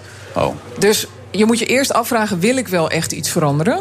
Eh, en als je dat gewoon niet wilt, dan moet je dat helemaal niet doen. Als je het wel wil? En als je het wel wil, dan is er eigenlijk één hele belangrijke zin. Die moeten mensen even opschrijven. Dus pak even een pen of Ja. zet het in je telefoon. Ja, zitten Ja, we er klaar voor? Ik ben er klaar voor. Je moet weten waar je naartoe wilt en zorgen dat je er komt. Jezus, Ja, dat, dat ga ja, ik niet opschrijven ja, hoor. ja. Hallo zeg hé. Ja, maar waar wil jij naartoe? Je bent nu even bij Talpa verdwaald, maar waar wil je daarna Ik ben naartoe? helemaal niet verdwaald. Waar wil je echt ik maak naartoe? een programma wat ik heel leuk vind. Ik maak een radioprogramma nu bij Veronica. Ik maak dit programma. Ik doe alleen maar leuke dingen. Jij hoeft nergens meer naartoe. Ik ben heel lang bezig geweest om ooit zondagavond 7 uur te presenteren en om vader te worden. Dat was altijd een enorm doel voor mij. En toen ik het eenmaal deed, eh, met name de tv-presentatie, dacht ik, nou is dit het nou? Kinderen daarentegen vind ik heel erg leuk. Alleen nu wil ik vooral in het nu zitten. Ik, ik wil nergens Het meer is naartoe. klaar, je hoeft nergens meer naartoe. Ik wil nu gewoon alleen maar leuke dingen maken en doen. Maar dat is ook goed, want Ja. dan geldt voor jou dus, het hoeft niet. Nee. Maar al die andere mensen die nog wel ergens naartoe willen... want dat zie ik vaak als ik bij bedrijven binnenkom. Ik word vaak ingevlogen als er een innovatieproject mis is gelopen. Hè, dan is er al 7 miljoen uitgegeven en dan, dan, dan komen ze nergens. En dan begin ik toch met deze twee vragen te stellen. Waar willen jullie naartoe? En, en hoe kom je daar? Da- daar? Vaak komen we niet eens bij de, bij de beantwoording van die tweede vraag. Want bedenken waar je naartoe wilt als bedrijf... het is bijna altijd door angst ingegeven. Dus dan ben je zo'n hele grote verzekeraar... of een grote financiële instelling. En dan ben je bang dat er in China ergens een jongetje op een zolderkamer... iets heel slims zit te doen met blockchain en zo. En misschien gaan wij dan wel met z'n allen dood. En vanuit die angst gaan ze dan innoveren of gaan ze agile worden of weet ik veel wat. Maar echt nadenken van wat heb ik allemaal in huis? Heel veel meer dan dat jongetje op die zolderkamer. En waar met alles wat ik al heb, waar wil ik dan naartoe? Die stap slaan ze heel vaak over. Slaan dan? mensen in hun eigen leven ook over. Paul Tong, waar wil je naartoe? Ja, wat wil ik doen als ik later groot ben? Eh, ik denk dat mag, mag, mag toeval ook hier een rol spelen. Ik bedoel, in mijn leven heeft toeval wel degelijk een rol gespeeld. Ik bedoel, ik, eh, ik begon bij, eh, bij economie en ik, was een studie, ik werd een studieus typeje. En toch belandde ik uiteindelijk in de politiek. Zonde, waar, waar zit het toeval nee, dan? nee, zeg maar- nee, nee omdat, ik, omdat ik dat van tevoren niet gepland heb. En die mogelijkheid is op een gegeven moment wel aandienen. Je hebt nooit dus geweten dit- waar je naartoe wilde eigenlijk. Nee, ik, heb altijd interesse gehad voor politiek en voor economie. Maar eh, je, moet, je moet ook de kans grijpen die, die er komt. Dus dat is... eh, Ja, de- daar heb ik wel een antwoord op. Want, want eh, only dead fish go with the flow. Hè, dus je moet wel een plan hebben. Je moet niet alles aan het toeval overlaten. Maar ik zeg wel altijd, ik noem dat vliegeren. Dus je maakt een Ja. plan, dat gooi je vervolgens weg. Je moet niet dat plan, hè, zoals zo'n boek van... oh, ik moet dan maandag dit en donderdag dat. Nee, dat, dat is de manier om er niet te komen volgens mij. Niks ten nadele van het boek van Rick, hoor. Ehm, maar je moet vliegeren. Dus je moet die vliegers zijn gang laten gaan... maar je houdt wel het touwtje vast. Ja. Want uiteindelijk ligt bij jou wel de regie. Dus je kunt wel zeggen, Ja, maar- oh, wacht even, nu gaan we even Mag ik toch bijsturen. Wat, wat ik altijd. Ik kijk, je kijkt vooruit, maar je tast eigenlijk ook vaak in het duister. Zo ziet voor mij de toekomst thuis. Je tast in het duister, je komt ergens aan en dan pas zie je weer hoe je verder moet. Ja. Dus dat, misschien bedoel jij hetzelfde met vliegen. Nou- maar ik, ik geloof niet dat je 10 of 20 jaar vooruit kan kijken. dat geloof ik helemaal sowieso niet. Eén jaar is al heel knap. Brengt ons bij de politiek. Opportunisme viert hoogtij. Vandaag stond in de Telegraaf dat het kabinet ontzettend leidt onder de uitspraken. Met name gedaan in de Telegraaf natuurlijk. Door Klaas Dijkhoff. Is dat echt zo, Sophie? Nou, het ettert wel flink door hoor in de coalitie. En was net ook de persco van Rutte in Nieuwspoort. Die geeft hij elke week. En daarin zei hij ook wel, het is nog niet opgelost. Dus Nee. die ruzie achter de schermen tussen de coalitiepartijen... ook binnen de ministerraad... Die, eh, Maar en ja, onderling er dan? Ik, ik sprak Klaas Dijkhoff afgelopen maandag op de radio. En toen zei ik van, wist Mark Rutte hiervan? Zei, ja, ik wist wel dat hij een interview ging geven. Maar wist hij ook dat je dit ging zeggen? Want dat wist hij niet helemaal. Hoe, hoe zit het tussen die twee dan, denk jij? Nou ja, ik denk dat hij het wel wist. eh, dat hij op de hoogte was van wat het interview dat Dijkhoff eh, ging geven. Maar niet. En, en, maar tijdens die persconferentie zei hij net... ja, alles wat er binnen de VVD gebeurt, dat, ja, dat is eh, geheim. Daar kan ik echt niks over zeggen. Dus hij, een paar keer ging hij daar zo, naar vragen van journalisten... week hij uit. En dan wil hij daar geen antwoord op geven. Of dat nou een strategie was. Eerst dat Nou, interview Klaas van Dijkhoff Dijkhoff. zei dat hij niet boos op hem was, maar dat hij niet wist wat hij ging zeggen precies. Dat zei Klaas Dijkhoff in mijn uitzending. Nou, maar nou, net eh, ging hij daar ontzettend eh, omheen. En eh, vervolgens, ja, ik heb ook wel het idee dat dat een gecoördineerde actie was. Dus daarna die wijnsippende elite bij Buitenhof op zondag. En dan op maandag een interviewen waarin ze minister Kaag aanvallen hè, van Haga. Dat ze soft zou zijn. Dus een, een knetterharde aanval als opening van de coalitie. Hè, dat is natuurlijk een hele mooie campagne Ja, dat, dat ontkende hij natuurlijk bij hoog en belaag dat het campagne... Te, want zei hij, dat is veel te vroeg, zei hij ook nog. Dan had ik het wel anders aangepakt. Had ik het later gedaan, zei hij. Nou, maar ze volgen daar de peilingen natuurlijk wel op de voet. Dus ze zien echt wel dat, dat die hele ondernemersachterban aan het overstappen is naar het Forum voor Democratie. Ja. Dus, dus ze zien echt wel dat ze nu in moeten grijpen. En niet pas als we naar de stembus gaan. En laatst kwam de campagnestratege van de VVD... werd ook even in het zonnetje gezet bij de Volkskrant. En dat was de titel van BAM. Dus knal er vooral in. Daarmee heb je de aandacht. Laat mensen over je praten. Dat is de VVD eerlijk gezegd ook goed gelukt. We, mensen hebben, het- we hebben het er nu nog steeds over. Dat is die stratege van de NVA, hè? die Ja. Succesvolle partij eh, uit België. Die ook eh, ja, een flinke winst heeft behaald. En dat is wat Klaas Dijkhoff blijkbaar ook goed afgaat. Hè. Hij laat wel vaker een proefballonnetje op die dan is een knal, specialiteit, knalt. is dat. eh, soms in zijn eigen gezicht en soms iets verder weg. En wordt uitgeroepen tot politicus van het jaar. Ja, Daarmee. Ja, Oké, dat kan ook nog. Ja, maar goed, laten we nou al dat soort titels niet zo heel erg belangrijk maken. Want dat, dat, dat, dat moet niet een eigen leven gaan leiden. Nee, Gouden Maar- Radioring stelt ook niks voor. Nou, wel als jij hem wint. Maar Oh, als, als ja. stel dat, dat zomertijd hem wint, dan zeg ik ja, dat komt alleen maar omdat zij hun achterban goed kunnen motiveren. wij maar, maar kan er nog iets waar zijn van die theorie? Want die zie je op Twitter dan steeds rondgaan van eh, eh, Rutte gaat natuurlijk naar Europa. Dat is al lang beklonken. Eh, dus dat kabinet moet vallen. Dat is maar beter ook, want Pechtold is weg en Zijlstra is weg. Dus dat, dat werkt allemaal niet meer zo lekker. Kan daar nog iets van waar zijn? Nou, wat ik heel opmerkelijk vond, eh Marjan, was dat Rutte eh Is er week ja of nee? want anders ga je als politicus antwoorden ja of nee. Nou, ik denk dat dat meespeelt. Hij zei, ja, nee, maar ik blijf sowieso tot de verkiezingen. Dat zei Ja. hij in Buitenhof, tot Ja. de verkiezingen. Toen dacht ik, ja, welke, eh, eh, wanneer is dat dan? Als het kabinet valt, is dat misschien al in mei of eh, hè, voor de zomer. Dus daar, ja, daar had hij een heel Denk je slim dat ook, antwoord. Ik zit even te kijken naar jou. Ja, nee, ik, ik heb gisteren weer een gesprek zit in gevoerd. Europa natuurlijk. En, en er iemand weer bij hoog en laag dat hij niet weg zou gaan. Dat hij, dat, en ik moet eerlijk zeggen, ik durf het ook niet te zeggen dat Rutte daarop gokt. Want het is niet zo'n geweldige plek om eh, Donald Tusk op te volgen, de, de president van de Europese Raad. Ehm, dus ik zou er niet. Ik kan me niet voorstellen dat Mark Rutte dat op dit moment in gedachten wel een heeft. En daar ook zijn. Hij is nu 50, weet je, hij is nu wel een keer... Hij wil niet nieuws, toch? Neem ik aan, maar. Ja, wel iets nieuws, maar de vraag wel is- ver weg zijn moeder weg natuurlijk, dat is lullig. Maar de vraag is wat hij dan gaat doen. En ik kan me goed voorstellen dat hij ook heel, gewoon lekker buiten de politiek aan de gang gaat. En de timing is misschien ook wel gevaarlijk nu. Dus ze kunnen nu ook wel echt heel veel zetels kwijtraken. Omdat mensen toch wel angstig zijn over dat klimaatakkoord... en wat dat de burger allemaal gaat kosten. Dus het- of dit nou het handigste moment is om het kabinet te laten vallen? Hangt het niet Nee, gewoon af van de is- het is- brexit? Het is nooit een goed moment om het te laten vallen. Eh, wie breekt, die betaalt. Dus het is altijd een gevaarlijke exercitie. Hoe is er gereageerd bij jullie in Europa? In het Europees Parlement van de week toen het helemaal misging daar in Engeland? Eh, ik heb zelf eh, dinsdagavond, en ik was niet de enige, eh, we klui waren gekluisterd aan de buis. En ik, ja, ik was, ik was opgewonden als een klein jongetje, stond ik daar te, eerlijk gezegd te springen Maar voor toch de niet tv. verrast, neem ik aan. Nee, Ik niet bedoel- verrast, maar Nee. nou, ook wel. Echt waar? Want die uitslag was zo Ja, die was vernederend. dat, daar had toch eigenlijk niemand rekening mee gehouden. En het duurde ook heel even voordat mij het besef doordrong. Ja, die nederlaag is zo verpletterend. Hoe moet in hemelsnaam ooit nog een keer een deal worden gemaakt? En dat is eigenlijk de grote vraag. En May heeft dan daar drie dagen voor om met een nieuw voorstel te dat kan komen. helemaal niet. Maar ze heeft nu 2,5 jaar onderhandeld. Dat is volledig weggestemd. Ja, dan gaat ze niet in drie dagen iets bereiken wat, eh, wat dan wel steun krijgt. Ja, maar dit, dit is wel, hè, dit, dit zijn weer allemaal Nederlanders die iets vinden van, van, van, van Engelse mensen. En in Engeland hebben ze gewoon, in de UK moet je natuurlijk zeggen, Ja. hebben, ze Order. gewoon, hebben ze gewoon een prins gemaal die 97 is, die met zijn landrover over de kop slaat, daar bebloed uitstapt. En vervolgens aan de omstanders vraagt: Are you okay? Ja. Dus, dus wij, wij, wij begrijpen die mensen. Die mensen die, die leven van chaos. Hè? Die, die, hebben, die zijn heel anders Nou, ingesteld dan wij. ja, wij zitten dat vanuit onze, onze rubberen tegels eh, zitten we dat allemaal te maar een bekijken. deel maar- van, ik noem het even Engeland, ik moet zeggen inderdaad Verenigd Koninkrijk of Groot-Brittannië.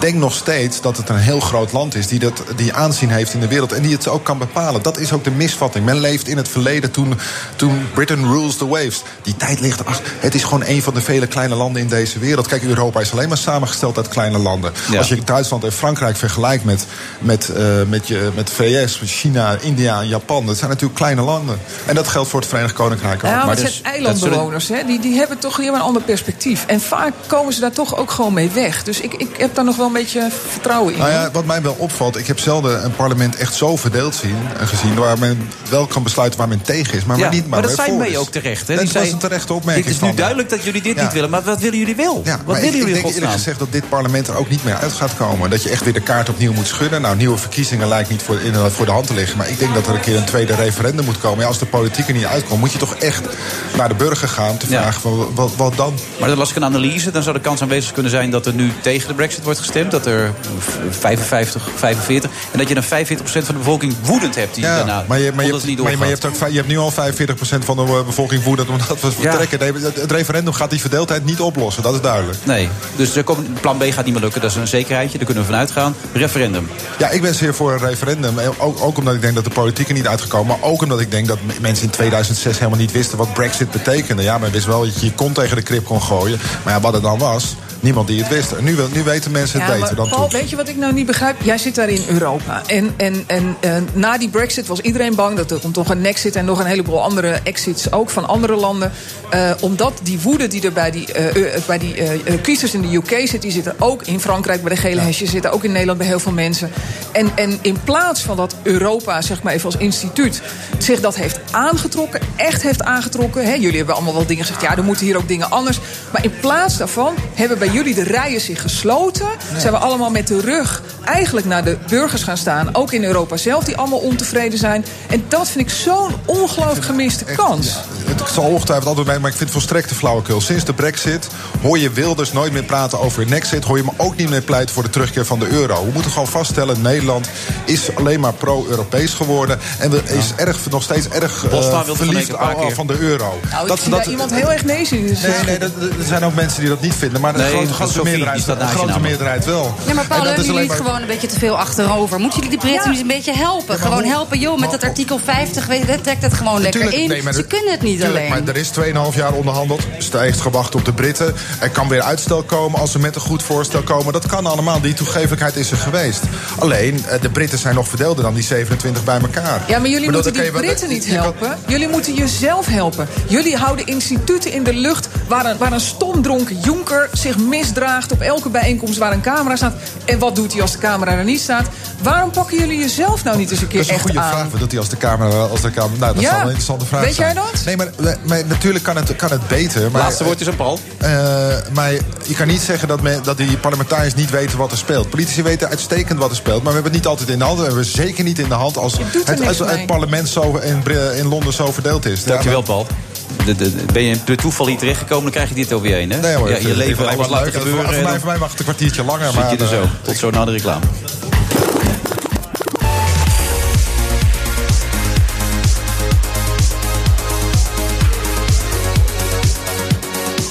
We zitten in de absolute slotfase van deze uitzending. Ja, dat is dit muziekje. Wat is dit nou? Dat is een verkeerd muziekje dit. Want dit is al de tijd van het programma. Nu raak ik helemaal van slag, jongens. Ik denk niet dat Slim, slim werkenboek heeft eh, gelezen. Dus hij heeft iets omgegooid in het schema. Hij heeft het omgegooid. Ik raak onmiddellijk uit mijn eh, comfortzone hier. Want ja, dit was altijd een slotliedje. En dan kregen we altijd nog even Rob Jansen. Hé hey Rob, hoe gaat het? En Rob mocht ook niet meer op een gegeven moment. Maar we zitten nog gewoon om... Eh, 10 voor 6 aan de goede kant van de 6. Dus we gaan nog even een tijdje door. Daar is nog steeds eh, Marianne Zwageman. Het gaat lekker, oh, Marianne. Ik zit weer te twitteren, sorry. Ja. ja. wat heb je nu weer gezegd? Nou, mensen die beginnen dan over tinnitus of zo. Als je iets over je ziekte zegt, ben je meteen een soort lotgenootje, steunpilaar, buddy voor mensen op Twitter. Maar hebben ze een tip gegeven wat je moet doen? Nou, dat, dat kon ik zo snel niet zien. Ik kan nog wel even opnieuw kijken. Uh, nou ja, dat iedereen hier tinnitus heeft. Oh, en dat we dromen of zo. Oh, nou, ik weet het niet precies. Nee joh, lief en schrijen. Hartelijk welkom. Eén goedenavond. Ja, goedenavond.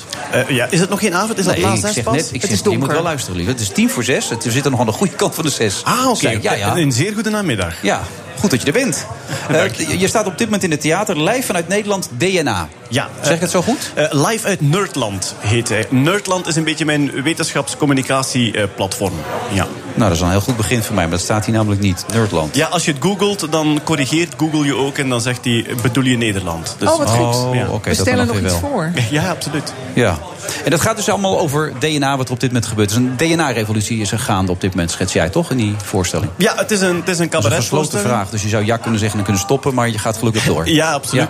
Ja, ja het is, het is, er is een revolutie aan de gang. Dat klopt. Eh, eh, DNA en genetica gaat geweldig hard. Wat er technisch mogelijk is, eh, grenst aan het ongelooflijke. En het komt heel binnenkort ons persoonlijke leven binnen. Heel veel mensen gaan in de komende vijf à tien jaar persoonlijk te maken krijgen met de DNA-test. Wat wil je weten, wat wil je niet weten? Je hebt het al gedaan, begrijp ik. Ja, ik heb mijn volledige DNA laten uitlezen. En dan heb je 3 miljard lettertjes op je computer staan. En dan kan je kiezen of je daarin kijkt of niet. En dan kan je zien of je heel zeldzame ziekte gaat opzoeken of niet. Het probleem is op dit moment...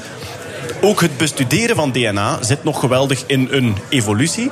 Dus wat je uit je DNA kan leren, dat is nu ook nog beperkt. En de komende jaren wordt dat ook steeds meer en meer. Kan je ook je aanleg, je talenten, je tekortkomingen van je kinderen bijvoorbeeld uit het DNA gaan eh, uitlezen. Heb je alles uitgelezen? Of, zover mogelijk althans, wat het kan? Of heb je het bij je gelaten? Ik heb het, het DNA eh, laten uitlezen waar ze al iets over weten. Over het grootste stuk van DNA weten ze eigenlijk niet. Nee, maar waar weten ze bijvoorbeeld iets van? Bij jou in dit geval? Eh, bij mij in dit geval over afstamming gaat dat dan veel. is heel populair bij mensen die stambomen maken. Dus ik kreeg op, op een bepaald moment het bericht dat ik 1000ste um, Native American was. Maar je vader is wel je vader. Ja, eh, wel, die heeft zich niet laten testen. Maar als je naar ons gezicht kijkt, dan is de kans eh, klein dat dat niet zo is. ja. Kun je ook testen op humor en zo dan in je DNA, of is dat niet te herleiden? Op dit moment nog niet, omdat ehm, eh, dingen als, als humor bijvoorbeeld...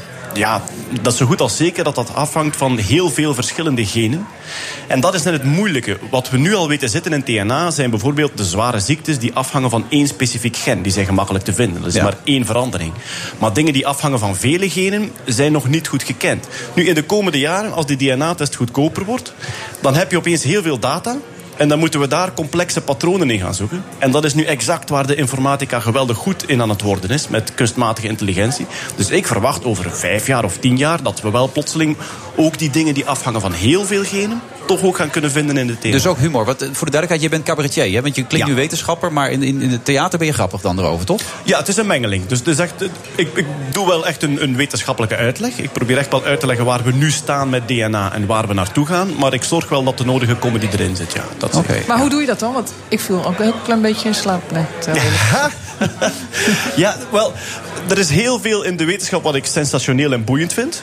En dus daar maak ik gebruik van. Ik hoop op het publiek dat dan ook zegt van... wat, kunnen we dat al? Bijvoorbeeld als je aan het publiek vertelt van... er is nu in Cyprus een, eh, een ziekenhuis, een eh, vruchtbaarheidsziekenhuis. En daar kan je de oogkleur en het geslacht van je kind kiezen. Dan zijn de mensen wel even wakker. En dan denken ze, is dat al zo? Is dat al zo? Ja, dat is zo, ja. Je kan nu... Wat vind je daarvan? Schrik je daarvan? Jij zeg hebt je kind niet genetisch laten manipuleren? Nou, toevallig wel genetisch omdat ze Gené heten, maar nee, niet verder, nee. Nee, nee. Ja, wel, dit is geen genetische manipulatie, dit is selectie. Dus ze maken verschillende embryo's, proefbuisbaby's... en ze kiezen daar eentje uit die het geslacht en de oogkleur heeft dat jij kiest als koppel. En dat is... Eigenlijk is dat een beetje de kern van mijn voorstelling. Dat is wat er technisch mogelijk is, gaat zo ver vandaag... en zal over twee jaar nog veel verder gaan. Waar staan we over twee jaar dan? Want dit is nog redelijk te overzien, vind ik. Maar hoe, ver, hoe gaat het verder dan? Kun je ook de, de, de intelligentie gaan beïnvloeden straks en dat soort zaken allemaal? De, de IQ-test, voor je geboren wordt, die bestaat al. Hè. Dus ze kunnen al bepaalde dingen zeggen over je IQ aan de hand van genen. Meer zelfs, ze kunnen niet zeggen over het IQ van je kind... als jij nog in de legale abortustermijn zit. En dan is de vraag, wat gaan we toestaan en niet? En daar gaat die voorstelling over. Ik vraag het ook constant aan het publiek. We kunnen dit nu al. Mag het van jullie of mag het niet? Oh, je laat ze echt bij participeren. Want je, je la- laat ze ook dingen vragen, of vertellen wat ze graag zouden willen dan, toch? Eh, Ja, want dat, dat is het ook. Hè. Die, die persoonlijke DNA-test die kost nu nog 1000 euro. Dus de meeste mensen doen dat niet zomaar. Nee. Maar die gaat binnenkort onder de 100 euro gaan. Onder de 50 euro gaan. En heel, veel mensen die zich voortplanten hebben een heel laag IQ. Hè? Want als je namelijk een beetje slim bent, plant je je niet voort. Want er is namelijk helemaal geen Heerlijk enkele deze reden... generalisatie weer. Nee, maar er is geen ja. reden om je voor te planten. We zijn met meer dan voldoende mensen op deze aardbol. Eh, er is een Marrakesh-pact, dus we weten nu ook hoe we die mensen op de goede plekken moeten zien te krijgen. Je wordt, eh, dat is wetenschappelijk bewezen, je wordt 18 jaar ongelukkig van het hebben van een kind. Het duurt 18 jaar voordat je terug bent op het geluksniveau waar je was voordat je kinderen kreeg. Dus ja, mensen die zich voortplannen hebben gewoon niet zo'n hoog IQ. Ja, wat is jouw IQ? eh, Ik heb het nooit laten Of weten. is maar- jouw vrouw heel dom? Dat zou nog Nee, kunnen. maar het schijnt een paar kleine zijn wij allebei heel laag qua IQ. Nee, maar jouw afkeer Maar van dat is toch kinderen... zo? Nee, ik ben dol op kinderen. Nee, maar kinderen- je hoeft ze niet zelf te maken. Ik denk dat dat kort door de bocht is. Eh, ja, ik denk dat de Ze waarheid... zo het podium gekund, hè? Ik denk dat de waarheid genuanceerder is, ja. Eh, dat denk ik wel, ja. Dus ik denk niet dat enkel domme mensen zich voortplanten op dit moment. Nee, dat denk Maar ik het gemiddelde IQ daalt toch ook wereldwijd? Dus dat steeds meer domme mensen planten zich voor. Dan krijg je steeds meer domme mensen. Ja, maar dat is heel moeilijk te meten, omdat wij ook... Ja, je kan heel moeilijk de, het IQ van de totale bevolking vandaag vergelijken met dat van 100 jaar geleden. Omdat, ja, hoe, hoe ga je dat testen? We hebben zoveel meer informatie, zoveel meer vorming vandaag de dag. Dus dat is, dat is heel moeilijk, ja. Ja maar er zijn wel heel veel mensen juist die, die enorme carrières hebben en zo, die, die planten zich niet meer zo voort. Hè? Als je nu kijkt naar de Europese leiders, die hebben bijna allemaal geen kinderen. Hè? Macron en Merkel en Rutte zijn allemaal kinderloos. Ja, maar in het geval van Macron kon dat niet meer, toch? Omdat ze zo oud was, die vrouw van hem. Ja, die zou nog een keer een jonge vrouw kunnen nemen Ja, en dan, dan kan een, het nog eh, wel. een tweede poging kunnen Maar doen. zij was al Ja, 70 of zo, Rutte zie ik niet meer gebeuren hoor, dat die zich nooit voortplant. Nee, dat zou ook weer een andere reden kunnen hebben. Maar dat maakt verder ook niet uit. Dat moet hij helemaal zelf weten. Wat moet het gevoel zijn als je die zaal verlaten hebt bij jou? eh? Als je de zaal verlaten hebt, dan hoop ik dat de mensen eh, zich iets meer bewust zijn. Misschien zelfs een beetje ongerust over wat we allemaal kunnen. En vooral de dingen waar geen wetten over zijn. Hadden net voor nieuwjaar hadden we de eerste genetisch gemanipuleerde mens op aarde. De Chinese professor heeft echt geknipt en geplakt in het DNA van een mens. Er lopen nu mensen rond op aarde met een DNA dat nog nooit biologisch bestaan heeft. En dit is nog maar het begin. En dus de vraag van, als die techniek op punt staat, wat gaan we wel en niet doen? Als je bijvoorbeeld zegt van kijk, er is een familie met een, een generatielange traditie van zware depressieve episodes. Stel we dat, dat we dat ooit weten zitten in het eh, DNA, gaan we dat wegknippen. Ik denk bij mezelf, daar zijn goede redenen voor. Maar hoe ver ga je erin? Ga je je kinderen bepaalde talenten geven door daar getalenteerd DNA in te zetten? Nu kunnen we dat nog niet, want we weten het nog niet zitten. Maar die vragen komen heel binnenkort op ons af. En ik probeer het publiek een beetje naar huis te sturen met... we gaan hier op voorhand over nadenken. Want als we dit op voorhand doen, krijgen we situaties zoals nu... waarbij je naar Cyprus kan vliegen om een kind te bestellen... met de oogkleur en het geslacht van je eigen keuze.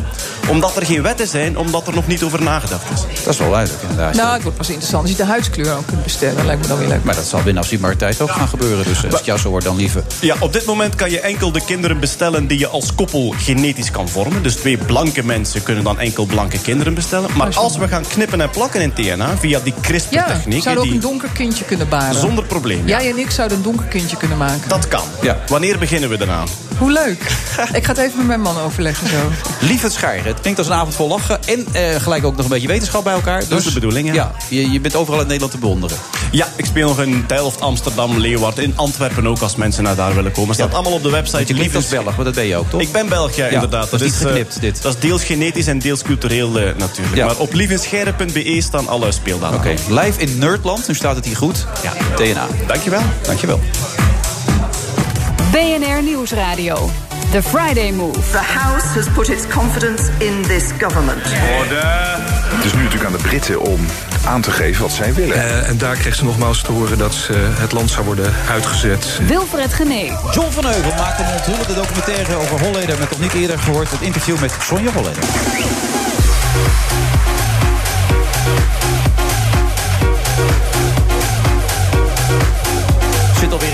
Laatste uur. Zeg aan de andere kant van de klok van 6 met de Friday Move en de beats van DJ Thomas Robson.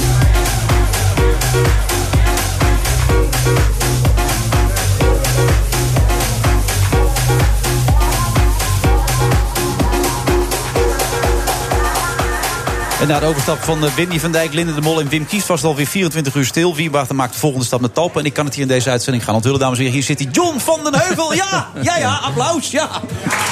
Gefeliciteerd, John. Ja, nou dankjewel eh, Wilfred. Ja. Ja, waarom? nee, ik heb eh, vorig jaar, zoals jij weet, eh, met RTL gesproken. En eh, ze hebben me toen een voortreffelijk aanbod gedaan om nog eens eh, drie jaar bij te tekenen. En ik ben zo blij dat ik het gedaan heb. Ja? Ja, echt. Want je had hier niet willen zitten bij die club. Ik, ben prima, ik heb het prima naar mijn zin bij RTL nu. En ik kan alles doen en laten wat ik wil. Uiteraard in goed overleg. En Volgens mij is het, eh, er wordt steeds gezegd, het is zo onrustig bij eh, RTL. Maar volgens mij is het nog tien keer onrustiger bij Talpa. Ja, je wilde dat even kwijt. Hè? Je kwam binnen we moeten even over SBS 6 praten. Dus... Nee, eh, kijk, wat ik nog wel grappig vind eigenlijk... dat nu steeds de bal bij RTL wordt gelegd... en, en dat het daar allemaal een grote leegloop zou zijn. En dat iedereen bij RTL in paniek is. Nou, ik kan je zeggen... Ik, ik snap niet waar dat vandaan komt. Ik heb toch wel redelijk nog contact bij, met de mensen bij RTL... En eh, volgens mij is er helemaal niemand in paniek. Nee. En is eh, de ongerustheid en, eh, en de paniek op dit moment een beetje bij een aantal projecten die, die er bij Talpa spelen. Zoals? Nou, dat, dat Dance and Sing is natuurlijk dramatisch qua kijkcijfers. Het programma 6 Inside, eh, daar hoeven we het helemaal niet over te Moet hebben. nog even op gang komen. Even op gang komen. Ik heb gisteren zitten kijken voor de eerste keer. Ik heb het nog nooit zoiets dramatisch gezien eigenlijk. Echt? Meen je dat? Ja, ik vond het echt verschrikkelijk. En ik kan me niet voorstellen dat iemand die eh, zeg maar echt een gevoel heeft bij televisie maken... en dat is Albert natuurlijk, maar ook Hm? Ja. eh, John de Mol zelf... dat hij niet eh, gisteren met borden is gaan smijten... en telefoons is gaan gooien en, en, en de spiegel kapot heeft geslagen. Want het was zo verschrikkelijk slecht. Maar wat was er zo slecht dan? Ik Nou ja, niet als je al het programma opent met een interview met Lee Towers en, en een collega-muzikant vanuit de, de Vrienden van Amstel. En de microfoons doen het niet. En het is slecht geluid. En eh, de vragen kloppen niet. En die komen niet door. En dan ga je tien minuten of, of rond die koers ga je door. Dan is al de hele kop van je programma is al weg. De, eh, de, ik vind de chemie tussen, tussen Jan en Albert vind ik, eh, abominabel eigenlijk. Ik vind eh decor nogal tegenvallen. En als je je dan zo profileert als de grote concurrent van eh, RTL Boulevard... Ja, waar je ook wel eens in zit. Ja. Waar ik ook wel eens in zit. En je komt dan eigenlijk met zo'n eh, zo'n product... dan vind ik dat je je wel behoorlijk moet schamen. Ik heb de indruk dat Marianne er weinig toe kan voegen. Nou, ik heb, ik heb, moet ik heel eerlijk beginnen, nog nooit naar gekeken. Maar niemand kijkt ernaar. Hè. Volgens mij hebben ze nog 100.000 kijkers over van... eh, dat ze- 131, hou wel. Oh, nee, gewoon Niet te snel. 131. Maar dat zijn die mensen die kijken ook naar testbeeld. Eh, dus dat, dat is echt heel dramatisch op zo'n belangrijk tijdstip. Maar ik hoorde Albert Verlinde laatst wel in een of ander radioprogramma zeggen... dat er een redactie van 30 of 40 man op zit. Toen dacht ik, maar wat doen die mensen daar dan allemaal? Nou, ik, ik heb me eigenlijk al een beetje verbaasd vanaf het eerste begin. Want volgens mij is dat programma al redelijk eh, een tijd in voorbereiding. Een paar maanden al. En, en als- je dan met zo'n eerste week komt eigenlijk... gewoon qua inhoud heb ik het dan over, niet Ja. eens qua vorm... dan vind ik dat die hele redactie zich kapot moet schamen.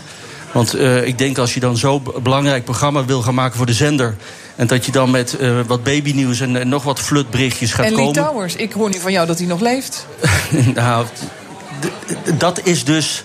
Eigenlijk vind ik, het, eh, ja, vind ik het beschamend aan het hele verhaal. Maar, eh, heb jij het idee, want eh, dat, eh, Marianne heeft niet zoveel vertrouwen in... dat het uiteindelijk weer recht getrokken kan worden? Dat nou, op de manier zoals het eigenlijk gisteren en nog een aantal andere keren is geweest de afgelopen weken, dan, dan is er geen redden aan. Maar de komst van Linda, moet, toch, Linda moet toch wel veel verschil kunnen maken? Oh, met de zender bedoel je? Ja. Oh, nou, met, met de zender zal het best goed komen. En, en het vertrek van Linda is wel natuurlijk... eh, dat zat er gewoon aan te komen. En het is ook volstrekt logisch. Kijk, Linda scoorde in de laatste eh, weken in de weekenden. Ze doet het altijd goed. Maar juist tegenover programma's van Talpa natuurlijk eh buitengewoon goed. Ja, en als je dan als zenderbaas je eigen zus... Ja. je kijkers ziet weghalen bij, eh, eh, bij, jouw je eigen zender. zender... Ja, Dan, eh, dan is het wel logisch dat je Linda binnenhaalt. Maar, voor de met die zender kan het nog wel goed komen. Maar ze hebben natuurlijk veel grotere ambities. Hè? Ze willen met, met Facebook de concurrentie aan en noem het Ja. allemaal maar op. Terwijl er loopt daar niemand rond die daar nou echt een beetje verstand van heeft... hoe je dat digitaal in moet richten. Dat weet ik niet. Dat, daar, daar kan ik geen zinnig voor. Ik kijk nu echt gewoon puur naar de programma's. En dan eh, vind ik eh, dat, het, eh, dat er een veel te grote broek aan is getrokken. En dat er eh, eigenlijk nu heel krampachtig wordt geprobeerd om de paniek bij RTL neer te leggen. Dat ik denk van ja, joh, ga eerst eens even naar jezelf kijken. Ja, in Zes en gaat het dus niet redden. Dat is wat jij concludeert net. Dus Nou, ik denk dat ze het heel moeilijk. Als ze op deze manier doorgaan, dan eh, wordt dat een heel moeilijk verhaal, ja. En daar maakt John wel dezelfde fouten die hij maakte heel lang eh, in het verleden. Wat jij misschien ook nog wel kan herinneren. De sterrenbeurs, wat hij toen nog samen met de Telegraaf deed. En ook met die vorige keer dat hij een zender op heeft gezet. De mensen gewoon er helemaal vol mee proppen als het er nog niet is. Hè. Dus al die billboards, al die bushokjes.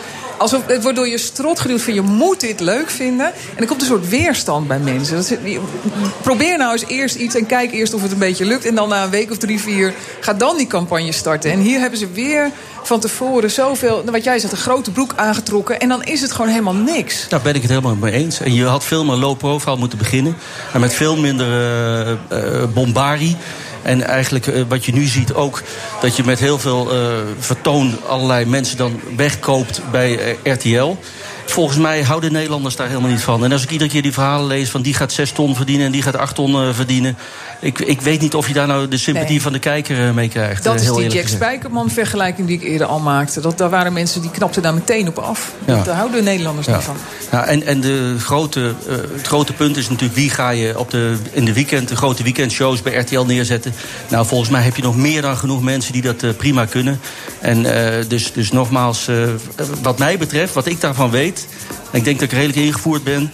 Is er van de enige paniek bij RTL totaal geen sprake. Je bent geladen, John. Het is wel leuk dat jullie het samen eens zijn. Want je hebt ook wel eens vervelende dingen over Marianne Ja, geschreven. dat hoor ik net. Ik, moet- eh, dan moet je me even helpen. Maar ik, ik- ongetwijfeld eh, oh, ik zal dat vergeet die, kloppen. dingen, vergeet die dingen altijd. Oké, maar ik. Ja, ik, jij bent natuurlijk ook altijd eh, nogal uitgesproken. En ik ben columnist, dus dan moet je je soms ook uitspreken. Dus, Ja. ja. als Je had het niet eh, zo bedoeld eigenlijk. Dat wil je nu Oh, zeggen. dat, nee, nee, wat ik eh, schrijf in mijn column, daar sta ik gewoon achter. Wil je het zo nog over die documentaire? We zeggen, ah, laat lekker zitten Ah, van die dat is, documentaire. die, die Holleder die wordt er doodziek van. Nou, gelukkig zeg jij dat. Echt. Kunnen we het een keer niet over Holleden Dan gaan we het hebben? zo meteen heel kort nog, heel kort dan nog even twee seconden. over die documentaire. Tot zo. Bij BNR ben je altijd als eerste op de hoogte van het laatste nieuws. Luister dagelijks live via internet. Bas van Werven. En heel langzaam komt de zon op rond dit tijdstip. Je krijgt inzicht in de dag die komt op BNR, het Binnenhof in Nederland en de rest van de wereld. De Ochtendspits. Voor de beste start van je werkdag. Blijf scherp en mis niets.